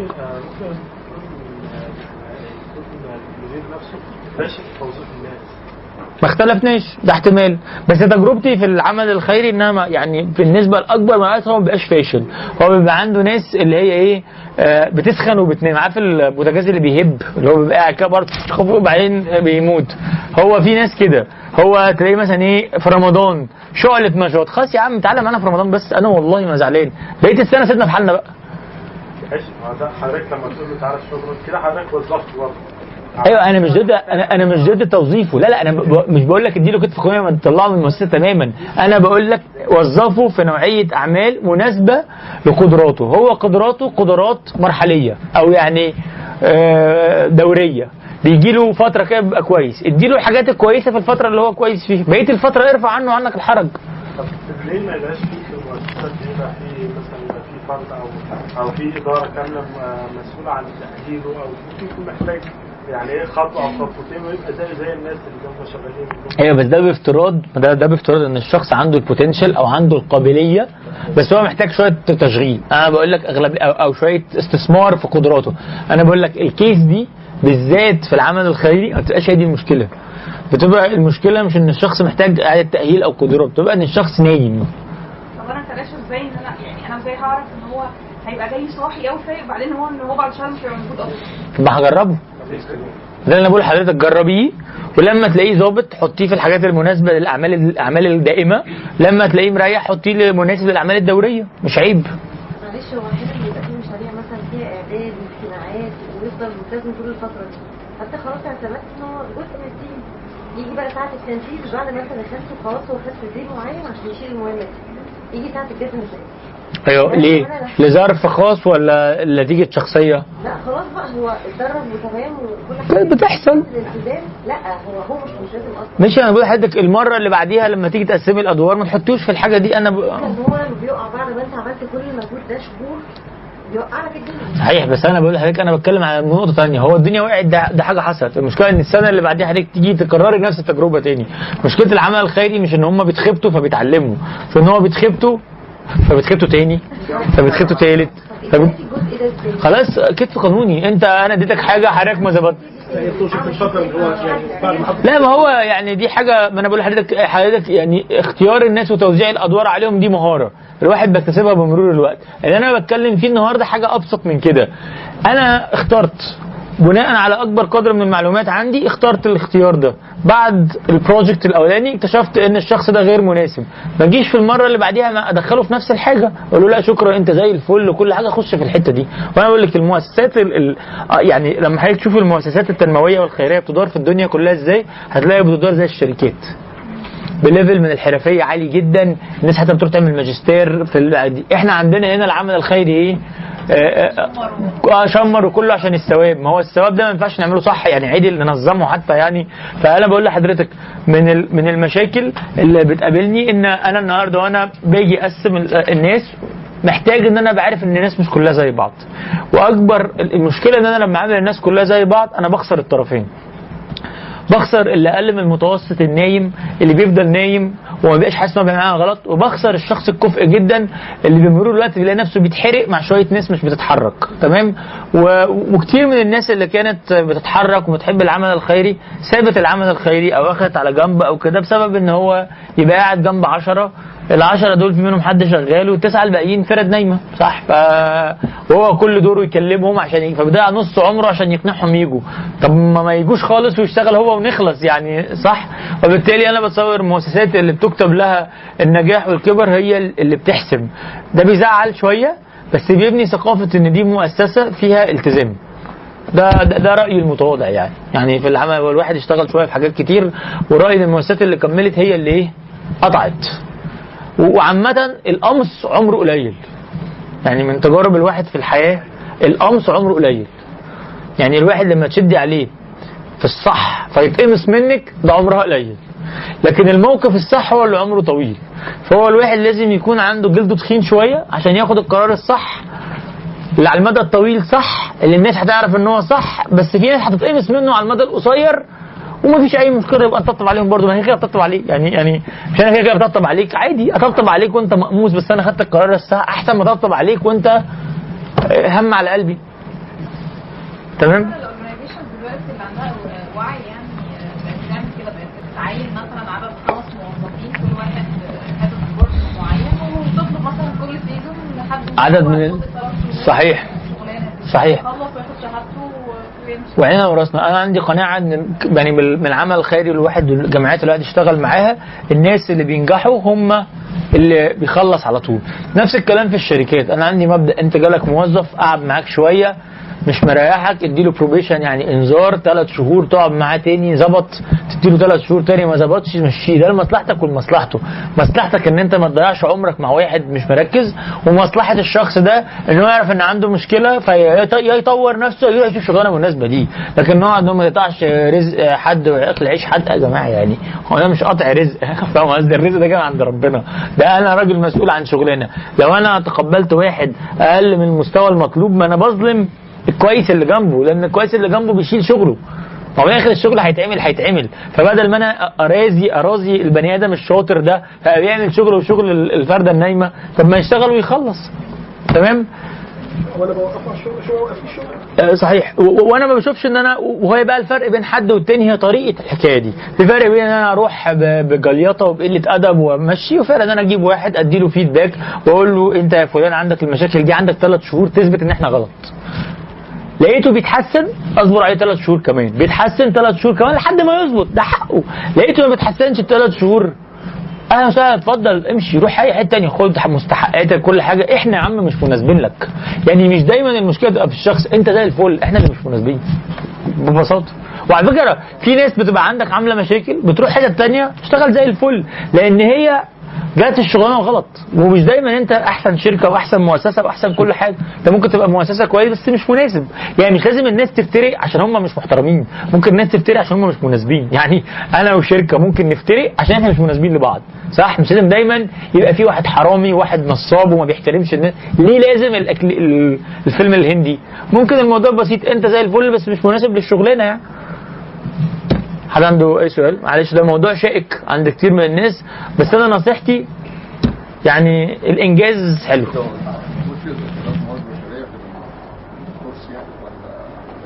قول لي أنت عايز إيه نعمله لك يا عزيز يعني شوف أنت عايز إيه في الكورس و... وأنا معاك. لا إدارة الموارد البشرية إحنا مركزين على الأربع وظائف الأساسية للإدارة في الكورس ده. التخطيط والتنظيم والقيادة والتقويم. الموارد البشرية ال human resources management أو إدارة الموارد البشرية ده حتة في الإدارة لوحدها. التسويق حتة في الإدارة لوحدها.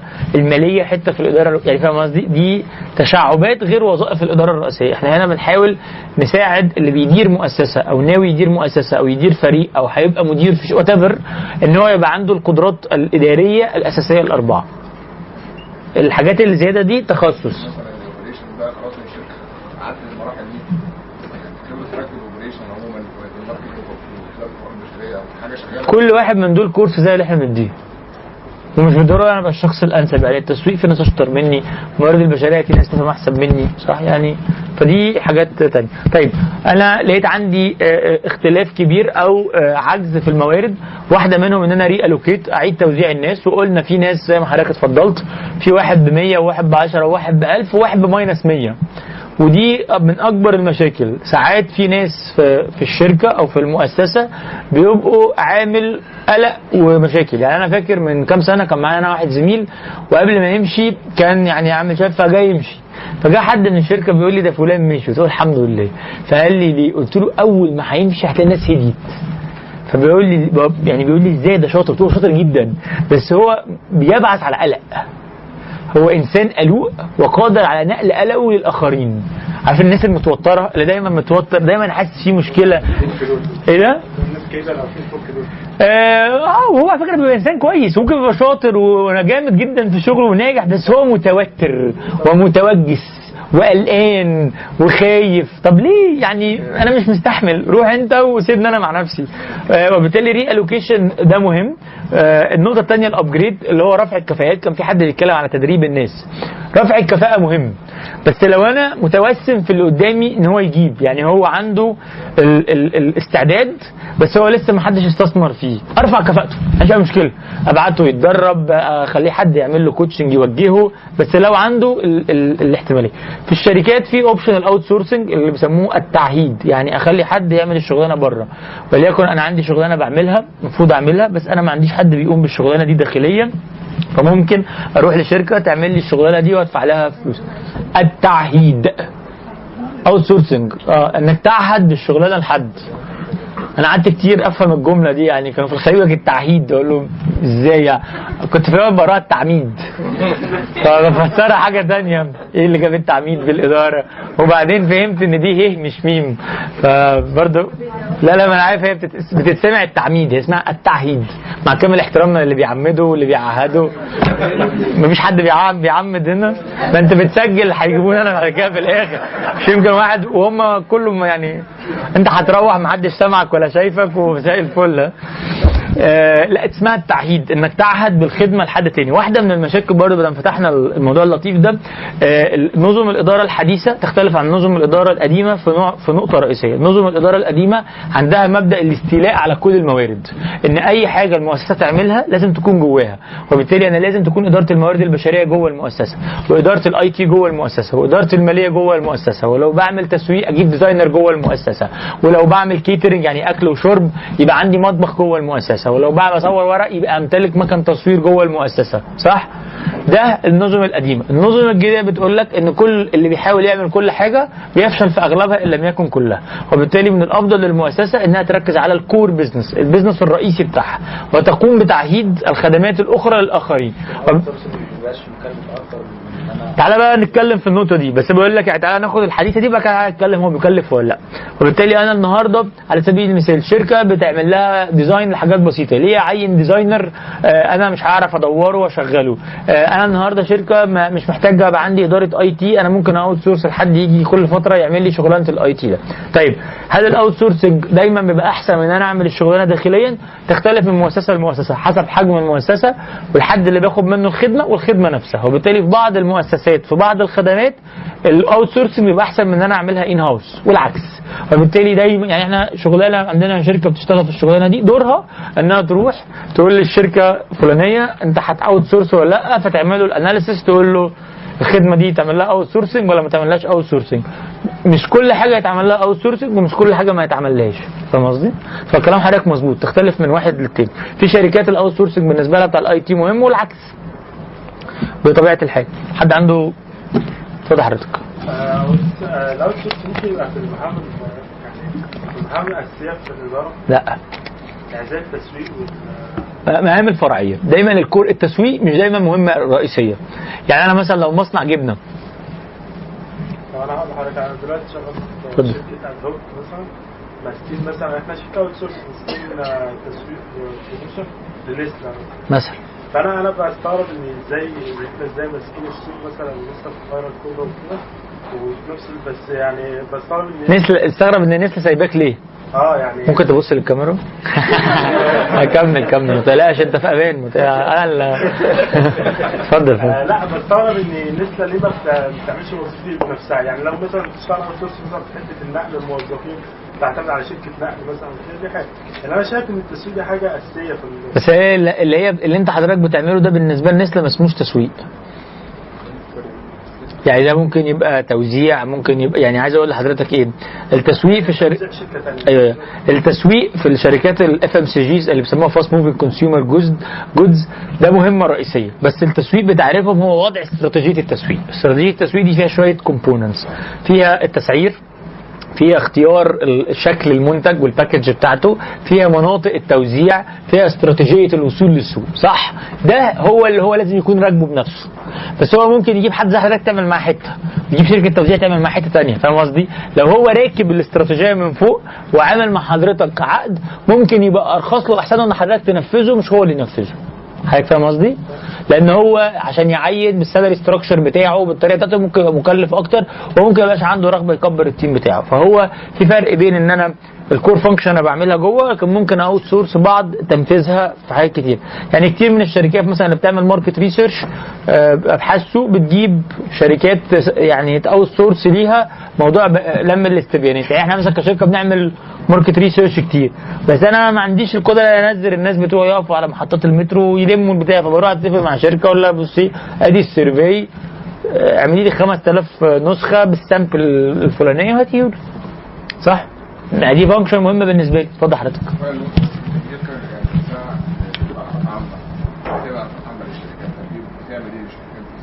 شركة علاقات عامة العلاقات العامة أو ال PR agencies بشكل عام بيبقى دورها انها تدير العلاقات العامة. العلاقات العامة دي تشمل إيه؟ تشمل العلاقة بالصحف والميديا. يعني أنت مثلا حضرتك النهارده ممكن يتشن عليك حملة في الإعلام لو أنت شركة إن أنت مثلا شركة عقارات نصابة صح؟ عشان في اتنين شاريين من عندك متضايقين أو في واحد ساكن في العمارة اللي قدامك مغتت عليك أو فيك. يعني عادي صح؟ أنت هتعمل ده إزاي؟ هتحلها إزاي؟ بتجيب شركة PR تعمل coverage أو تغطية إعلامية مشابهة للتغطية. يعني زي ما شتمت هي ترد بالشكل المظبوط. مش تشتم بس قصدي إيه؟ تغطي على الكلام ده. ده دور العلاقات العامة. حضرتك النهارده بتطرح مشروعات وعندك حاجات فعايز يبقى عندك تواصل مع الإعلام. ده غير التسويق. بتجيب شركة PR تنظم لك البيانات الإعلامية اللي بتنزلها والمؤتمرات الصحفية. فده دور ال PR agencies العلاقات العامة. دي غير شركات التسويق. حد عنده سؤال تاني؟ تمام.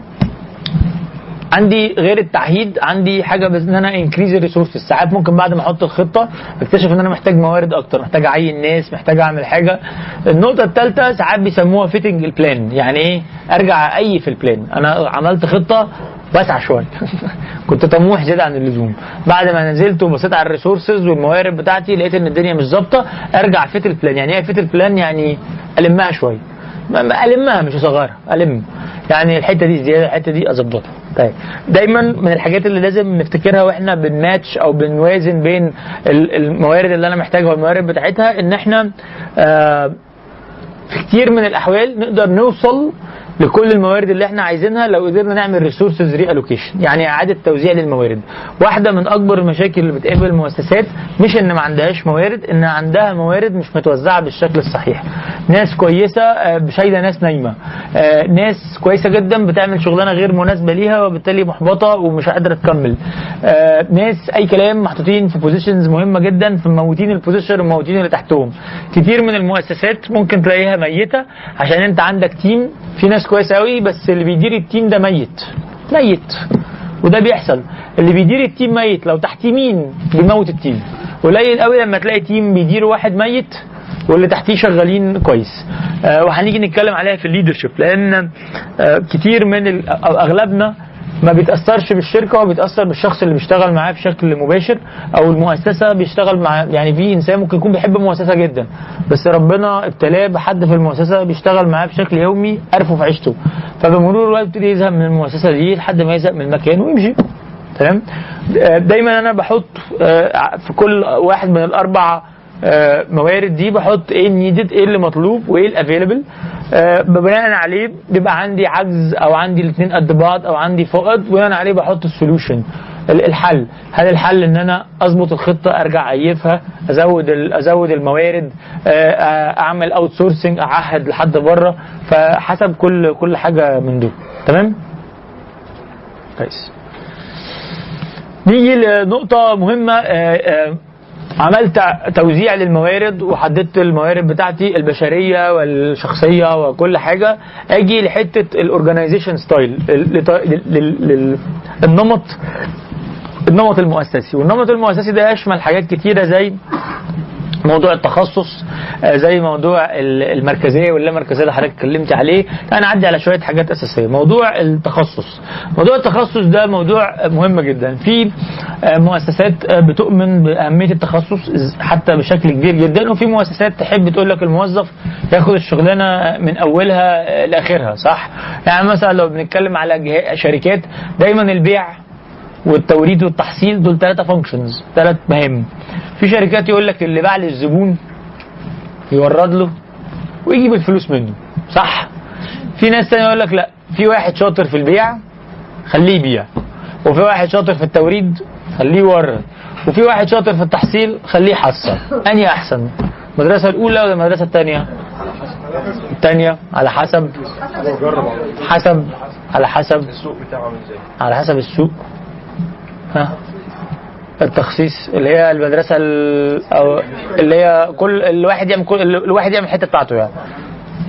كويس أقول لك إن ده واحد من الحاجات اللي بتوع الإدارة بقى لهم سنين بيتكلموا فيها اللي قدروا يوصلوا له إن كل حاجة ليها ميزة وعيب ووقفوا على كده يعني.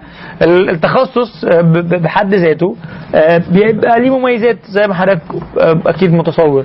إن هو بيخلي فيه إنتاجية أعلى. كل واحد بيركز في حتته بيعملها بشكل كويس. آه، الكوست أو التكلفة آه، بتقل جامد جدا لأن أنا بعملها كتير قوي قوي قوي بسهل المتابعة عليا بيبقى في مساحة للتحسن وال control بتزيد. آه، لكن السلبية بتاعتها إن في زهق.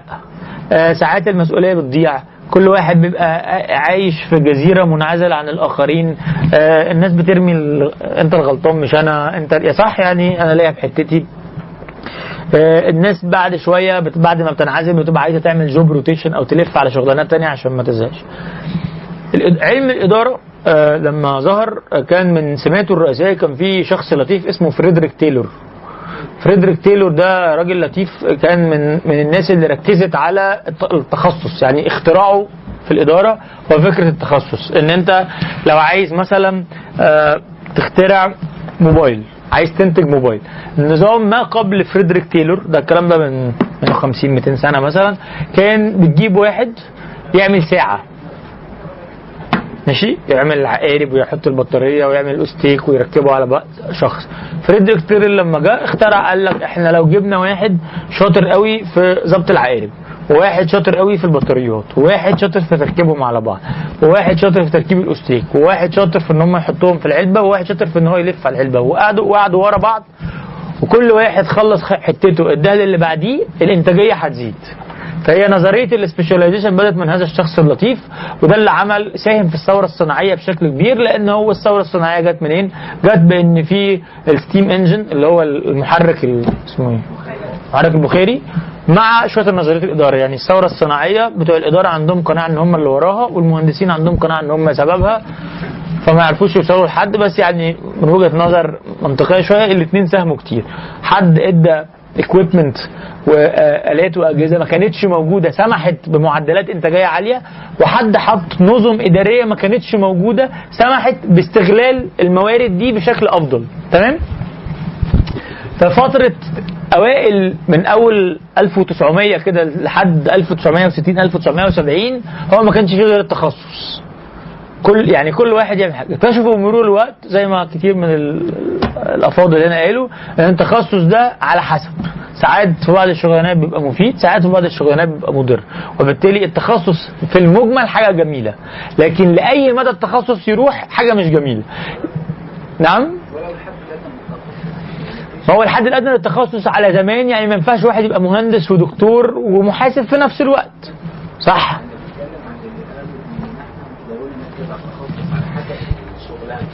بقول لو إحنا عندنا الحد الادنى من التخصص للشغلانات مش عايزه تخصص يعني إحنا دلوقتي بندخل مثلا في المؤسسات بنلاقي عدم التخصص هو كشف المؤسسة ولو خليناها نحن على مجال صغير. بتلاقي كل واحد ممكن يشتغل غير تخصصه فده بيؤدي إلى الفشل. ثم الفشل يكبر لحتى يحب المجتمع كله. صحيح. كلام حضرتك أكيد مظبوط في حتة إن في حد قدم التخصص مطلوب لكن أنا بقول لحضرتك التخصص حاجة ممكن توصل للإكستريم. لآخر المشوار. فايه درجة التخصص اللي إحنا عايزينها. فكرة إن التخصص مهم حاجة ما يختلفش عليها الناس. يعني آخر مرة اختلفوا عليها كان من 150 سنة. فصعب حد مننا يختلف على أهمية التخصص. السؤال إلى أي مدى نروح في التخصص؟ نروح التخصص إن كل واحد يبقى متخصص في حتة قد كده ولا كل واحد واخد مجموعه تخصصات مع بعض فبقى مستوى تخصص متوسط لو جاز التعبير؟ أنا ما أنا بقول لحضرتك هي بقى الإجابة على السؤال لا تختلف. في حاجات التخصص الدقيق مطلوب فيها في حاجات إن أنت تجمع بين شوية حاجات مط... يعني ده أفضل.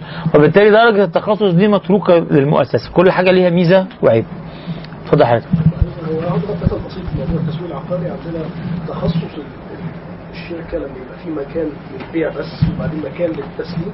ده بيحصل جدا إن أحيانا ال- ال sales يجي يجي يخش يفتح صدره قوي طبعا. هتلاقي وهتلاقي وهتلاقي. فاللي بيلبس بعدين هو بيسلم. فلما بيحصل نوع من أنواع التنسيق ما بين الإدارتين بي- بيقل المشاكل كتير أنا عندي قناعة إن اللي حضر العفريت يصرفه.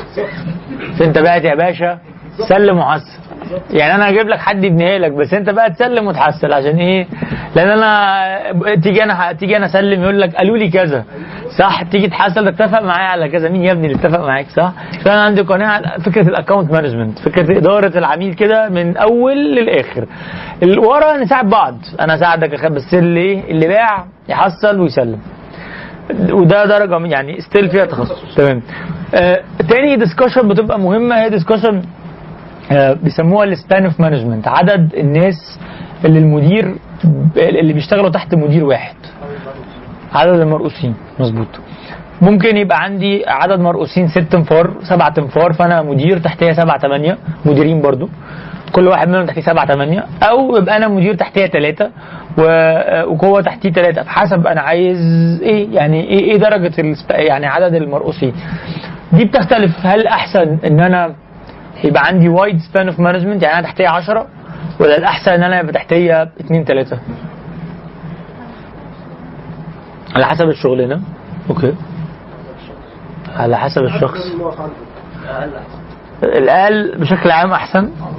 في عدد نقف عنده بعد كده هيبقى في هيدك على نفسها كويس. خلينا نتفق إن كل ما يبقى قليل كل ما يبقى أحسن بس إحنا ما ينفعش نوصل إن واحد بيدير واحد.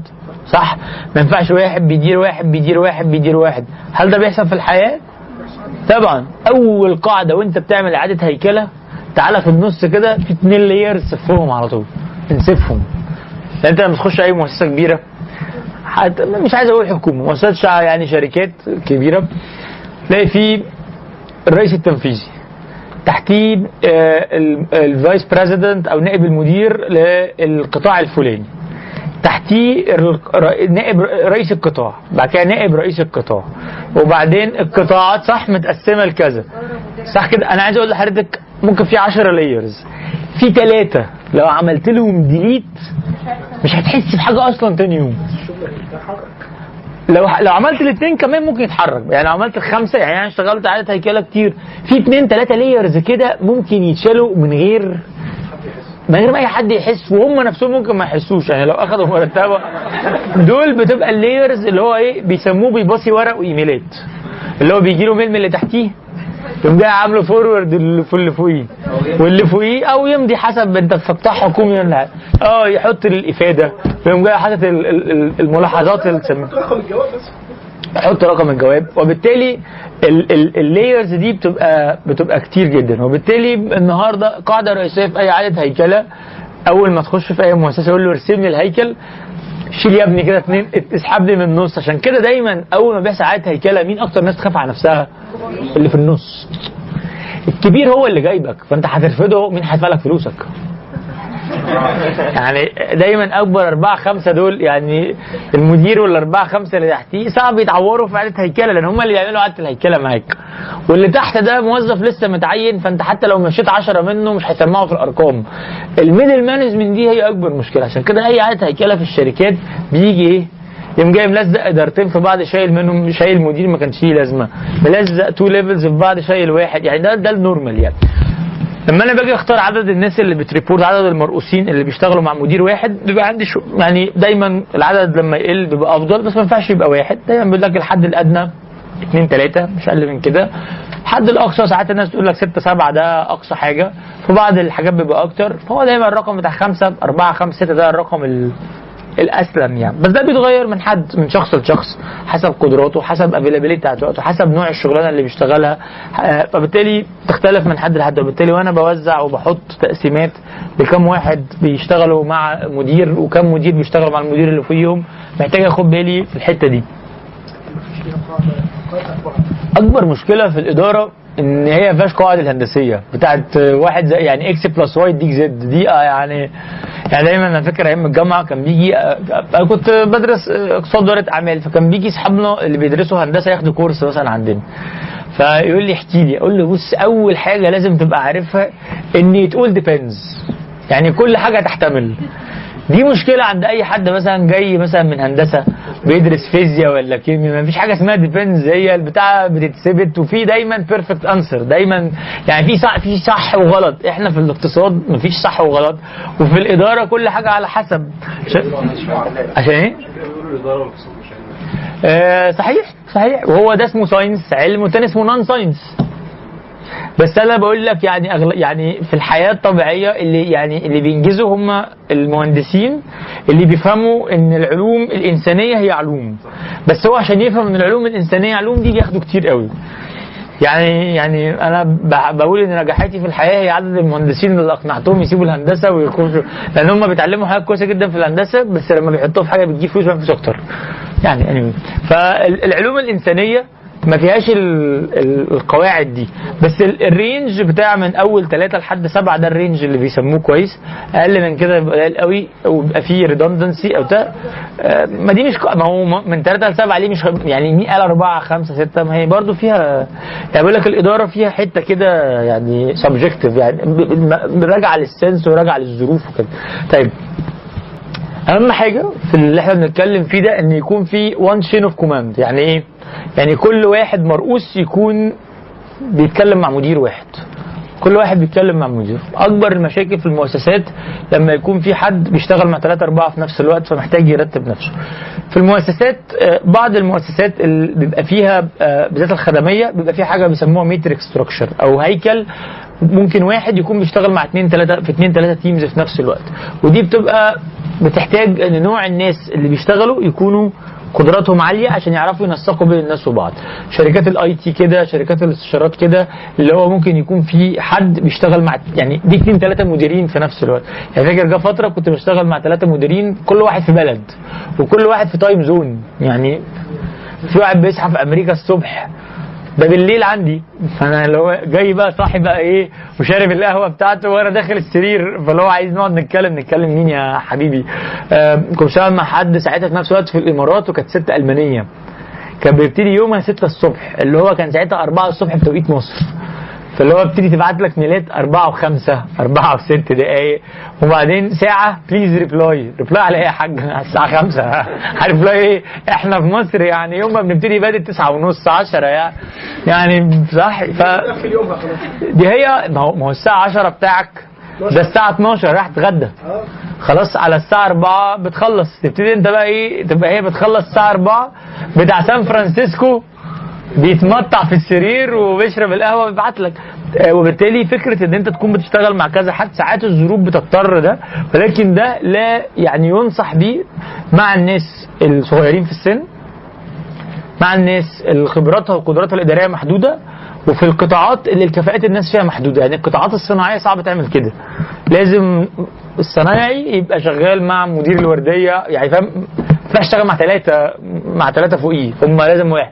لكن لو بيشتغل مع واحد استشاري مع واحد banker مع واحد بيشتغل في مجال ال IT يجوز إن الواحد يكون بيشتغل مع ثلاثة أربعة في نفس الوقت لأن هو قدراته عالية واللي بيديروا بيديروه قدراتهم عالية. وإن كان ده برضو بيبقى عبء على ناس كتير. عندنا برضو topic مهم جدا في ال style بتاع الإدارة موضوع ال authority versus ال responsibility موضوع آه، ال- الصلاحيات والسلطة مقارنة بحجم المسؤولية اللي على الحد. من أهم الحاجات إن أنا ما أروحش أدي حد كمية من الصلاحيات كتير قوي بس ما أديلوش مسؤوليات كتير. وبالتالي لما أجي أقعد معاه كل ما أكلمه هو بياخد القرارات بس المسؤوليات عند حد تاني أصل فلان غلطان. أو العكس أدي حد كمية من المسؤوليات بس اكلبشه ما اديلوش صلاحيات. فكل ما يجي ياخد قرار يقول لك إيه؟ رجعت لفلان فلان ما وافقليش صح؟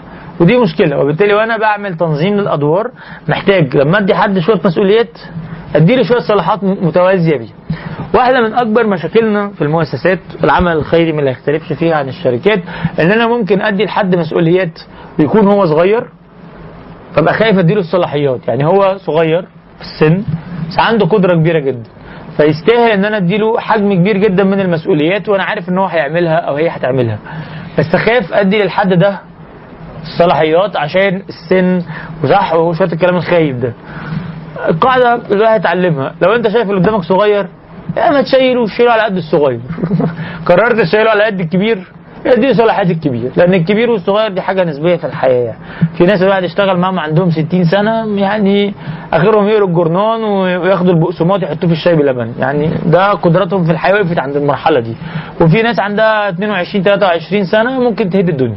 وبالتالي قررت إن الشخص ده يستحمل مسؤوليات يبقى تديله الصلاحيات. مش حضرتك شفت إن هو تقدر مش حضرتك ما هي هي تعريف الخبرة؟ يعني أنا هدي حضرتك سؤال في علم اسمه ال data science مظبوط؟ وال big data العلم ده لما أنا كنت في الجامعة ما كانش موجود. حلو؟ فكل العيال اللي بدوراه في الدنيا عندها خبرة سنتين. الفتك فيهم يعني. هو هجيب خبرة منين؟ صح؟ يعني هي ما فيهاش خبرة. هو البتاع مش عايز خبرة. اللي بيديروه وبيعملوا مليارات عيال ما يعني, ما يعني اخرهم متخرج جامعة من 3 4 سنين. ده الواد الفت البت النت اللي فيه طب هعمل إيه؟ مش أنا شفت إن هو يعرف يعملها؟ يبقى بيعرف. أصل الخبرة مش الفاكتور الوحيد إن أنا أدي الإنسان ال- الشغلانة. خبرة حاجة القدرات حاجة تانية الاستعداد قد- القدرات الإدارية والنفسية الرغبة على الإنجاز. أنا ممكن أجيب واحد عنده خبرة بس ميت. اعمل بيه ده فأنا ما دام قررت إن هي إن السيدة دي قادرة إنها تقوم بالشغلانة وشيلتها الشغلانة يبقى ادي لها الصلاحيه مع الشغلانة. ما اديش صلاحيات من غير مسؤوليات ولا ادي مسؤوليات من غير صلاحيات. لما حضرتك تدي صلاحية من غير مسؤولية هتشوفي بلطجي. ولما تدي مسؤولية من غير صلاحية هتشوفي واحد مسجون. صح؟ كل ما يجي يعمل حاجة تلاقي واحد وقفه المدير الإداري وقفه المدير المالي ما رضاش يمديله على إذن الصرف. ما خيابه بقى. ده اللي إحنا بنشوفه. فانا أجيب مدير تسويق امسكه البتاع. كل ما يجي يعمل كده يلاقي المدير الاداري قال له لا إيه ده مدير التسويق ما ينفعش. صح ما نشغلوش. فحضرتك قررنا ادي واحد مسؤولية ادي له صلاحية. لو اديت صلاحية أكتر من المسؤوليه هيبقى عندي إيه؟ باشا قاعد في المكتب بلطجي. معاه صلاحيات وقاعد فاضي ما عندوش مسؤوليات فبيبلطج على خلق الله. اديت واحد مسؤوليات ما اديتوش صلاحيات هلففه على المكاتب كعب داير واعذبه نفس فكرة سيدنا اسامه بن زيد النبي صلى الله عليه وسلم قال عنه إنه حري بالإمارة فعينه قائد كويس. وبقى قائد. وكله تبعه خلاص خلصنا هو بقى مناسب مناسب أو مش مناسب دي discussion قبليها. وصلنا إن الشخص ده مناسب يبقى ياخد الاثنين مع بعض. تمام؟ ودي طبعا من مشاكلنا في البلد ان إحنا كتير من اسف في منطقة وفي العالم كله بيشوف إن الخبرة. يعني إن الكفاءة مرتبطة بالسن. للأسف الشديد ده مش صحيح. في حاجات ممكن واحد عنده 25 سنة يعملها أحسن من واحد عنده 50 سنة. وفي ناس عندها 50 سنة اصبى من عيال عندهم 25 سنة. فأنا بقول لحضرتك هي السن مش معيار لأي حاجة في الحياة يعني. يعني في ناس عندها 40 سنة وميتة من 20 سنة أصلا. انتهت. على فكرة في ناس بتبقى صغيرة تقعد معاه تحس إنك قاعد مع حد عجوز. وفي ناس ممكن عنده 60 65 سنة تقعد معاه تحس إنك قاعد مع واحد في ثانوي يعني. فهي يعني الحكم على الناس بالكليشيهات دي مش أحسن حاجة. الحكم اللي هي إيه التايتل ده ما ياخدوش واحد أقل من 40 سنة. أيوه طب هو أنا هناسبه؟ أنا جايبه عشان أشغله. لو جه واحد عنده 30 وبيعرف يعمل الشغلانة ما ياخدها. صح؟ فبقى دي من مشاكلنا. عشان كده تحديد أو ربط الصلاحيات بالمسؤوليات مطلوبة. هنيجي لنقطة مهمة نقطة التفويض ال delegation واحدة من ال- المشاكل اللي بتقابل أي حد بيدير خاصة لو هو آه، لسه جديد في الإدارة. موضوع ال delegation أو التفويض آه، بتبقى مشكلة كبيرة. أنا مدير آه، عايز أدير أنا مسؤول في الآخر لأن المدير في الآخر هو اللي مسؤول. فوق مدير قدام الإدارة الكبيرة. فأنا رئيس للفريق ده أو رئيس للإدارة دي أو للحتة دي اللي في المؤسسة فأنا عايز أتأكد إن كل حاجة صح فابتدي أدير التفاصيل. فأنا مش عايز أسيب حاجة لحد ليه أسيب له؟ أصل هو هيلبسني في الحيط وأنا في الآخر شكلي هيبقى وحش. فينتهي بيا الموضوع إن أنا بعمل كل حاجة بالنيابة عن الناس كلها. ده أسوأ حاجة. في حاجة اسمها delegation process عملية التفويض. أكيد عملية التفويض ده مش إن أنا أجيب الناس أقول لهم شباب أنا بثق فيكم زيتوا. اعملوا اللي أنتوا عايزينه. ده ما اسموش تفويض ده اسمه هرتلة. يعني التفويض مش معناه كده التفويض معناها إن أنا أمشي ب steps برضه كلاسيكية. أختار الشخص المناسب أقعد مع الشخص ده أ clarify ال task يعني أقول الشخص ده حضرتك أنا فوضتك تعمل بالنيابة عني واحد اتنين تلاتة. المهمه اللي أنت هتعملها معناها كذا أنا محتاجك تحقق فيها الحاجات الفلانية. الشخص ده لو إنسان طبيعي هيعمل إيه؟ هيسأل. طبيعي هيبتدي يسأل. دوري أنا إن أنا اجاوب أقول له حضرتك محتاج تعمل كذا لما تقابلك الحاجة الفلانية أعمل لي كذا ولو الموضوع وقف معاك لو سمحت دخلني في الموضوع ما تلبسناش في الحيط وتكلمني تقول لي البسنا. قبل ما نلبس كلمني. صح؟ حقك. فأنا أحدد له فين الخط الأحمر. يعني مثلا لما ببعت حد يتفاوض بالنيابة عني أنا مفوضه. أقول له مثلا البتاعة دي ثمنها 100 عندك لحد 80 لحد 80 امضي أكتر من 80 تاخد مني موافقة. تكلمني في تليفون. صح؟ عشان كده الش- الشركات لما بتعين مدير ما بتقولوش تمضي الشيكات زي ما انت عايز. بتدي له limit تقول ده مدير مثلا حد الاقصى الإمضاء 100000 ده حد الاقصى 500 ليه؟ لأن أنت مفوض برقم. نفس الكلام أنا مفوض حضرتك ب- بمهمة بفوضك ب limit محتاج قبل ما أرميه في البحر أقول له بس العوم بيتعمل إزاي؟ يعني صح أنزله في بركة في حمام سباحة يجرب يعني. فإن أنا train و test البني آدم أدرب وأختبر شوية دي حاجة مهمة. محتاج إن أنا أزق البني آدم بس محتاج إن أنا أعمل له coaching التوجيه مطلوب. وبالتالي أنا أول ما أبتدي أعمل delegation تفويض ما أعملش تفويض وأختفي. اعمل تفويض واقف ورا الباب اتفرج. آه، زي الواحد لما بيعلم ابنه يعدي الشارع لوحده هو ما بيقولوش حبيبي انزل عدي الشارع لو عديت الناحية الثانية كلمني. يعني يبقى مسطول. بينزل آه، صاحبي بيتأكد إن هو كويس الشارع دلوقتي كويس طب عدي. آه، صح بياخده بي بيكوتش بيعلمه حبة بحبة يعني. والأهم في النقطة الأخيرة أوزن بين الصلاحيات والمسؤوليات. ما اديلوش صلاحيات من غير مسؤوليات واقول له فوضتك فيبقى قاعد عامل نفسه مدير ويبلطج على خلق الله ولا اديله مسؤوليات رهيبة واسيب كل الصلاحيات معايا فكل ما يجي يعمل حاجة يرجع لي. وأنا حاسس إن أنا جامد قوي الناس كلها بتاخد موافقتي فاهم قصدي؟ يعني أنا أسوأ نوع من أنواع المديرين المديرين اللي بيجي لهم 50 إيميل في اليوم وكل ال email approve approve approve أنت عبيط يا ابني؟ يعني أنت ما بتعملش حاجة ثانية هو دوره إن أنا approve طب ما تحط للناس limit سيب خلق الله تشتغل صح؟ في مديرين كده يعني كنت من فترة مع صديق عزيز مسافرين مع بعض بنصيف. فلقيته كل شوية يجي له إيميلات كتير قوي والإيميلات كلها بيشوفها بيرد عليها.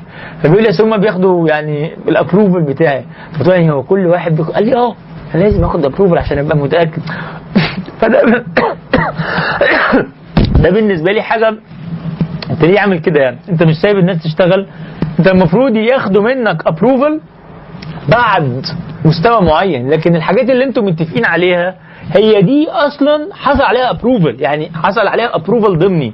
لكن أنا النهارده واحد بدير شركة عندي مجلس إدارة كل ما هجيب حاجة هروح أخد approval أنا بقدم خطة في السنة أنا اعتبرت دي كلها approve لما نعديها نبقى ناخد approval بقى. يعني هنفضل طول حياتنا نبعت إيميل وهو مبسوط يا ما قدام مراته.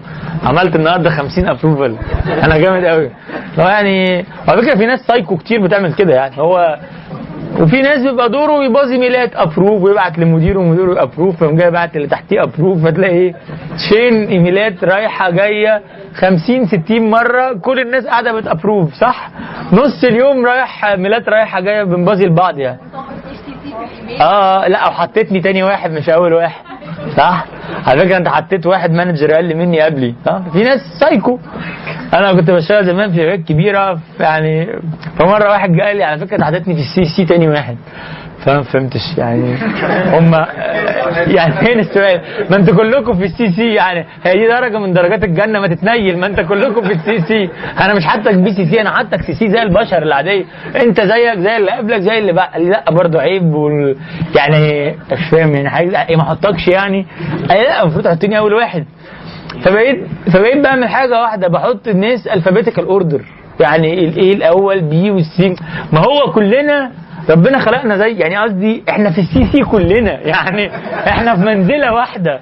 فإيه اللي يفرقك عني؟ ليه أنت خلاص اللي يفرقك عني؟ يا إما الستات قبل الرجالة صح؟ يا إما بال alphabetical order A B C D لكن والناس تتخانق وبعدين mail إيه ده أنت ما خدتش مني approval قبل ال approval اللي فوق وال approval اللي فوق نزل ال approval اللي تحته. اللحظه الحقيقة إن هو بص في ال CC وشاف من إيه هو. أيوه وما ردش. صعب قوي وما ردش. لا بص في ال CC أشوف أنا نمره كام في ال CC هذا موضوع. ده موضوع كبير قوي والله موضوع قوي لا والله ده موضوع كبير آه قوي والله فعلا. على فكرة أنا مش بهزر. أنا والله مجربه آه آه. آه، مرة كنا مؤخرا بنشتغل مع عميل فجينا نشتغل بنبعت له mail فأنا بالنسبة لي هو طلب مني mail وأنا ما كنتش عندي يعني هو هو رئيس مجلس إدارة شركه فأنا ما عنديش يعني ما كنتش عارف أخش على ال mail لمدة كام يوم فطلبت حد من عندي يبعت له ال mail. بناء على قعدتك مع فلان الفلاني اتفضل ال mail. لقيت تليفون إزاي حد صغير من عندك يبعت لي ال mail مش أنت؟ قلت له طب أنا هقول على حاجة. قال لي قلت له اعمل له delete قال لي قلت له اعمل له delete انت شايف ان اللي بعت لك يعني انت اهتمامك مش بالجوه الايميل انت اهتمامك بالشخص اللي بعت لك الايميل. حاجة من الاثنين يا أنا هحقر من الشخص اللي عندي فهقول لك الناس اللي عندي فعلا صغيرة يا اما هقول لك شيل الايميل انت شخص غير مهتم بال... باللي جوه الايميل. أنا بالنسبة لي ان أنا ابعت ال mail أو اي حد عندي يبعت ال mail المهم ان ال mail اتبعت صح؟ العبرة وأنا مش هحقر من الناس اللي عندي فولع في نفسك وشيل ال mail يعني. بقول لك لا هو ده واقع. وبالتالي إحنا النهارده ال- النوعية دي مش بت delegate النوعية دي بتباصي. اباصي لك ال mail؟ ترده لي بال mail. طب صح؟ اللي اشتغل في شركات كبيرة صح؟ multinationals آه. وايميل فيه 53 واحد في ال CC. وبعدين معلش sorry نسيت مش عارفة مين فين نام ظبط ال thread. وتلاقي ال thread رايح جاي آه، لدرجة إن أنا فاكر كنت مرة بشتغل في شركة. المدير بتاعي كان بعد بقى ما بيخلص ال discussion يعمل إيه؟ يقوم جاي طابع ال mail. وحطه. فمرة سألته يا فلان بتعمل كده ليه؟ قال لي علشان يوم ما يجي يتخانقوا أنا لسه بقى هخش أدور على ال mail. طب اللي هو إيه؟ ده هم عاملين ال mailات عشان نهرب من المذكرات. رجعنا إحنا لفكرة ال mail. هو لأ هي politics كبيرة فهو تحول الموظف إن هو بقى بيأمن نفسه حتى المدير بيأمن نفسه هو ما بيدورش لمصلحة الشغل centralization versus de المركزية واللامركزية اللي حضرتك كنت بتتكلمي عنها مين أحسن المركزية ولا اللامركزية على حسب. وهي دي أنتوا كده بتبتدوا تتعلموا الإدارة. أنتوا كده أنا نجحت في المحاضرة الثالثه إن أنتوا توصلوا للهدف من اي سؤال حضرتك تسأله آه لازم كله على حسب. يعني ما فيش أسئلة واضحة في الحياة. الحياة رمادية. ما فيهاش أسئلة وإجابات واضحة. وده اللي يعني مهم جدا. أي إنسان واثق من نفسه في إجاباته اعرف إن هو هيدخلك في الحيط. صح؟ الإنسان اللي هو أول ما تقول له سؤال يجاوبك على طول غالبا هيلبسك يعني. فهي الحياة كلها على حسب. فهو المركزية ليها مميزات ليها مميزات؟ إن أنا آه، في فكر واحد ماشي في المؤسسة كله. فيها مميزات إن هي آه، ممكن في أحوال أو عيوب في أحوال كتيرة بتأيزوليت أو أو بتبعد وبتعزل لايرز كتيرة في الإدارة لأن القرار بيتاخد فوق والناس ما بتحسش تحت. برضو آه، للأسف إن أنا وأنا باخد قرارات كتيرة ساعات بضطر أرجع للإدارة العليا في حاجات كتيرة فالدنيا بتتأخر. ودي برضو في أحوال كتيرة ساعات بتعمل لي مشكلة في إن أنا وأنا بكبر بكبر بالراحة. بس في نفس الوقت بيبقى فيه توجه واحد وواضح وصريح وبالتالي احتمالات الاختلاف في وجهات النظر في أوقات المهمة بيبقى قليل. الناحية الثانية اللامركزية بتديني مساحة كبيرة للابتكار والأفكار مختلفة بتقلل البريشر أو الضغط على الإدارة العليا لأن أنا ممكن أبقى مسافر وفي حد في حتة تانية شغال وبياخد قرارات وعايش حياته آه، بتخلي ودي من مميزاتها بتخلي ال layers المختلفة المستويات المختلفة في المؤسسة آه، تبقى مشاركة في صناعة القرار وبالتالي بتبقى حاسة إن الشغلانة دي بتاعتها وبالتالي آه، بتبقى أفضل. ال decisions أو القرارات بتتاخد أسرع. بشكل عام اللامركزية أفضل من المركزية. بشكل عام. في في العموم. في العموم اللامركزية أفضل. لكن لكن لو لو المركزية على على مسطرة من صفر ل 100 المركزية صفر واللامركزية 100 أقف عند 50 أو عند 40 أو عند 60 أو عند 70 تختلف من مؤسسة لمؤسسة. فهو الم- المركزية الكاملة اللي هو المؤسسة المبنية على الفرد الواحد الأوحد ده أكيد مش حاجة كويسة. لكن إن أنا يبقى معايا ناس في صناعة القرار مختلفة وبسشهم دي حاجة كويسة. بس إلى أي درجة في ديسنتراليزيشن دي أنا كشخص بميل للامركزيه وبشوف إن يعني آه، يعني محاسنها أكتر من مساوئها. ولو لبسنا في الحيط نلبس. ما كده كده هنلبس. ما هو وبشوف إن يعني دي مصلحة. بس مش دايما ال- التوجه ده بيبقى صح برضه. يعني آه، فهو التوازن مطلوب وتحديد مستوى المركزية واللامركزيه مطلوب. overview and feedback ودي نقطة مهمة. خلصت وزعت الموارد آه، آه، آه، حددت ال style بتاع ال organization أنا عندي عامل إزاي. بيبقى عندي نقطة مهمة العلاقة بين الإدارة اللي هي ال management الإدارة العليا والموظفين اللي تحت. محتاج إن يحصل تواصل بين الاثنين محتاج إن ال management ت communicate أو تتواصل مع الناس مع الموظفين على إيه هو الهيكل اللي هنستخدمه؟ إيه هي الاستراتيجية اللي في بالنا؟ ال taskات تتوزع بشكل مظبوط تدريب وفي نفس الوقت محتاجين إن هم الموظفين ي share ال feedback إيه وجهة نظرهم ال implementation ده التنفيذ ماشي كويس ولا لأ؟ هل في احتياج لإعادة ال- ال- ال- ال- الخطة ولا لأ؟ وبالتالي ال feedback إن هو إيه؟ اللي فوق يقول اللي تحت واللي تحت ال cycle دي موجودة. وبالتالي عندي مشكلة في المركزية اللي بتلغي ال cycle دي بتلغي دورة ال communication. لكن ما عنديش مشكلة في النص المركزية اللي بتخلي ال cycle دي موجودة وبالتالي نص مركزية بال cycle دي أحسن من لا مركزية كاملة من غير ال cycle دي. وبالتالي العبرة في إن اللي فوق بيقول اللي تحت واللي تحت بيرجع له دي أهم. وبالتالي لو أنا عندي ال- التواصل موجود حلقة الوصل موجودة بين من تحت لفوق مع مستوى من المركزية واللامركزيه مظبوط دي أفضل حاجة. إحنا خلصنا organizing الساعة 9 و7 دقائق عندنا على ساعتي. عندنا 3 دقائق حد عنده أي سؤال؟ محدش نروح أتفضل. بس عندي سؤال ان أنا يعني اسس ده مثلا على نطاق أسرة مثلا أو عمل مثلا يعني في اول أرقام صد ليه في الأسرة واضحة؟ الراجل هيدفع كل الفلوس والست هتعمل كل الحاجات. يعني اتس فيري بهزر. يعني- مش صعب. لا إزاي على مستوى الأسرة؟ عليك ممكن تعمل الحاجات دي؟ يعني مين بيوصل الولاد التمرين ومين بيجيب الولاد من التمرين؟ ده تاسك كبير جدا صح؟ مين بيقعد يذاكر مع الولاد وهيذاكر معاهم إيه؟ ده task كبير جدا. مين هيروح مع العيال المدرسة وياخد على دماغهم المدرسين؟ ده task كبير جدا. يعني لا يعني لو حضرتك بتتكلمي على ال task ات لا في حاجات ممكن تتقسم. لو على الأسرة. أنا تخصصي يعني ميديا وسينما في نفس الوقت. مش مش قادرة أشوف مثلا يعني لو أنا بنزله على شركه انتاج شركه الإنتاج مثلا هتقيس مثلا تعالي خدي شركة إنتاج حضرتك شركة الإنتاج دي بتبقى كل الناس بتشتغل مع بعض تقسم إدارات. صح؟ بتقسم إدارات بناء على إيه؟ على على ال functional similarity صح؟ على التشابه الوظيفي للحاجات دي وبالتالي حضرتك عملتي الكلام ده مظبوط؟ صح حضرتك النهارده جيتي عندك شركة إنتاج. شركة تعالي نتصور إنك ورثت شركة إنتاج أو تم تعيينك مدير شركة إنتاج. هتيجي تعملي إيه أول حاجة؟ أول ما المدير بيجي بيبص على بيحط خطة بعد كده بيجي يبص على الهيكل الإداري اللي موجود وبيجي يعيد توزيع الهيكل الإداري ده وبالتالي بيشيل functions كانت موجودة بيشيلها وفي functions ثانية ما كانتش موجودة بيستحدثها. صح؟ مظبوط وبعدين بيجيب الموظفين دول وفي شوية بيقرر يرفدهم لأن ما لهمش لازمة في شوية بيخليهم في مكانهم وفي شوية بيغير من مكانهم لمكان تاني اللي هو بنسميه resources allocation صح؟ صح ولا غلط؟ أنا اشتغلت مع شركات إنتاج قبل كده على فكرة. pre و post وكل. يعني عندي تصور لشركة الإنتاج عاملة إزاي؟ حضرتك بتعملي كده؟ ما دخلتيش الشركة لسه؟ طيب ما بقول لحضرتك لو دخلت شركة إنتاج هتلاقي شركة إنتاج بتعمل pre-production أو post-production حضرتك دخلت قررت الشركة دي بتعمل pre-production أنا عايزة تعمل pre و post-production وبالتالي زودتي lines of business جديدة وبالتالي عايزة كفاءات مختلفة وبالتالي هتعيد تشكيل الإدارات وبالتالي لو كان في ثلاث إدارات هتخليهم أربعة أو خمسة. هتمتحني أو تختبري أو تأسس أو ت evaluate الناس اللي موجودة هتلاقي في شوية ناس عايزة تمشي صح؟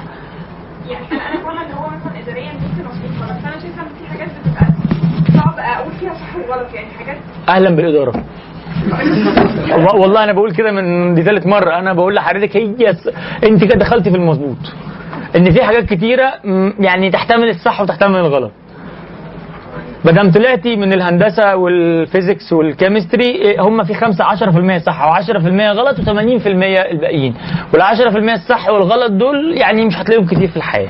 فأنت عايشة في ال 80 ال gray area فهو ال gray area بقى أرفد ده ولا أديله note ولا أرفده وأديله شهر ولا ما أرفدوش ولا يعني هي ال- الإدارة فيها م... يعني تصد... يعني سدده وقاربه بشكل كبير جدا يعني لو أنا قدرت أجاوب على سؤال حضرتك بس يعني بس مين قال إن ال logic بتاعك صح وال logic بتاعي غلط؟ آه يعني أنا بقول لحضرتك مثلا أنا موظف حضرتك مدير حضرتك شايفني مش كويس وأنا شايف حضرتك غير كفء مين صح فينا؟ أنت المدير صح شفت بقى؟ بس أنا موظف عندي على الفيسبوك 50000 واحد في شركة ميديا. هطلع أقول هجرسك. مش ده اللي بيحصل؟ عندي 50000 follower كلهم بيهيصوا. قام جاي داخل كاتب بهدلوني واخدوا فلوسي وأنا والله كان ليا سبع شهور مرتب وأنا اللي عملت في الشركة بتاع وأنا في الآخر كان كل دوري في الشركة إن أنا مثلا يعني واقل كمان. مع كامل احترامنا لل office boys فوق دماغنا. صح؟ مين الصح؟ عشان كده مثلا أنا ممكن أجي الموظف عنده social media presence أزقه بره بالشياكة صح؟ أو أزقه بدرجات أو أراضيه وأعكمه عشان ما يعمليش مشكلة. يعني هي الدنيا فيها ما هي لو straight line كان الإدارة بقت سهلة بس هي المشكلة في الإدارة إن هي عايزة إيه؟ كله بالحنية بيفك يعني كده عليك شوية كده عليا. و... فهي ما للأسف ما فيهاش straight line يعني قصدي بس يعني إزاي أقرر أقول الحاجات اللي أنا استخدم فيها ال logic الطبيعي بتاعي اللي هو ال- ال- ان أنا بحلل الحاجات بتفهم وين الحاجات اللي اخد راي حد فيها يعني أنا وجهة نظري بشكل عام في الإدارة أحسن حاجة في الإدارة إن أنت تكون بتاخد رأي ناس حواليك في أغلبية الحاجات.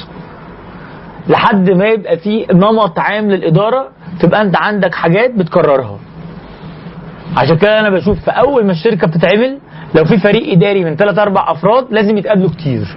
يتقابلوا كل أسبوع مرة أو مرتين. لما بيعدي أربع خمس عشر سنين بيبقى في نمط عام للاداره وبالتالي إحنا مثلا عارفين لما بنعين بنعين إزاي عارفين لما بنرفد بنرفد إزاي وعارفين لما بنلاقي واحد في مشكلة بنتصرف معاه إزاي. خلاص بقى في cases أقدر أبني عليها سابقا. لو ده لا نعم؟ اللي بنحتاج نرفده هو عارف إن هو يترفد قبل ما يترفد آه طبعا. وعادة إحنا ما بنرفدوش إحنا بنقول له والله أنت وحشني منور.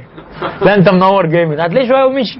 ما أنا بقول لح- بقول لك كمان المؤسسات زي ما قلنا المؤسسات زي الأفراد بتمر بتطور معين.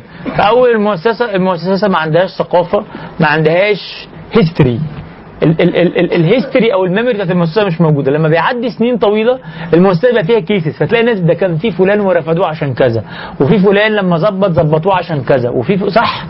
فبيبتدي الناس تعرف إيه الصح وإيه الغلط وإيه المقبول وإيه اللي مش مقبول. ولو يعني فعشان كده بقول لحضرتك أنا وجهة نظري إن ال logic في الإدارة حاجة نسبية جدا. اللي حضرتك ممكن تشوفه صح أنا ممكن أشوفه غلط. عشان كده في أول المؤسسة بتحتاج توجد ثقافة للمؤسسة. بعد ما الثقافة دي تبقى موجودة الثقافة هي اللي بتحكم المؤسسة وبتمشي نفسها بنفسها بعد كده. حد عنده سؤال تاني؟ طيب. آه إحنا متشكرين جدا. إحنا المرة الجاية حاجة عندنا سؤال؟ مفيش سؤال ممكن يعني ممكن مثلا مثلا طبعا في يوم تاني مثلا بعد كده يرجع في عام لو لو والله العظيم لو دخلنا في مشكلة إحنا عادي إحنا عندك مشكلة لو مد... مفيش مشكلة خلاص. طيب إحنا الخميس الجاي اجازة 6 أكتوبر بقى و5 أكتوبر ونحتفل ونضرب بومب مع بعض ولازم نعمل حاجات. أنا بس عندي حاجة طارئه محتاج أعملها. فالخميس اللي بعد الجاي عندنا إحنا خلصنا ثلاث محاضرات عندنا سبعة. الاثنين اللي جايين اللي هو الأسبوع اللي بعد الجاي واللي بعديه اللي جاية هتبقى عن القيادة واللي بعديها عن التقويم هنكون خلصنا ال- الإدارة كلها وهيبقى فيه الامتحان بتاع الإدارة. في حاجة؟ سؤال؟ بعد الخمسة. الامتحان بعد الخمسة صح؟ يعني هنشوف نظبطها يعني ممكن نخليها بعد الامتحانين مع بعض في الآخر أو نخليها لا خليه بعد الخمسة. إحنا الامتحان بتاع الخمسة جاهز معلش مش متخيله مش متخيله أنا فاهمه الموضوع كله نسبي كده. اللطيف بقى اللطيف بقى في الامتحان إن هو في نوعين من الأسئلة. صح وغلط واختار. يا أبيض يا أسود. نعم الاجابه multiple choice ما هو لا لا ما لا ما فيش على حسب ما فيش ما فيش. بس هو للأمانة يعني يعني بشكل عام لو الواحد عايز هو الإدارة هي شوية مبادئ. الشطارة إن الواحد يتعلم المبادئ ويبتدي يكتسب خبرة في آلية تنفيذ المبادئ دي في أرض الواقع. فيبتدي يعرف المبادئ دي إمتى بتتنفذ وإمتى ما بتتنفذش وإمتى ظبط وإمتى فهو الهدف هنا مش إن الواحد يطلع من هنا مدير. يعني ما كان- ما كانش حد غلب لكن الواحد يطلع من هنا عارف مبادئ الإدارة فيقدر يبراكتس أو ينفذ الكلام ده ويوظفها بالشكل المظبوط مع الخبرة. فالمدير مش بالكورسات اللي خدها المدير بخبرته. بس اللي عنده خبرة مبنية على علم أحسن من اللي عنده خبرة مبنية على فتاكة أو على عنف أو على ده. شكرا لحسن استماعكم.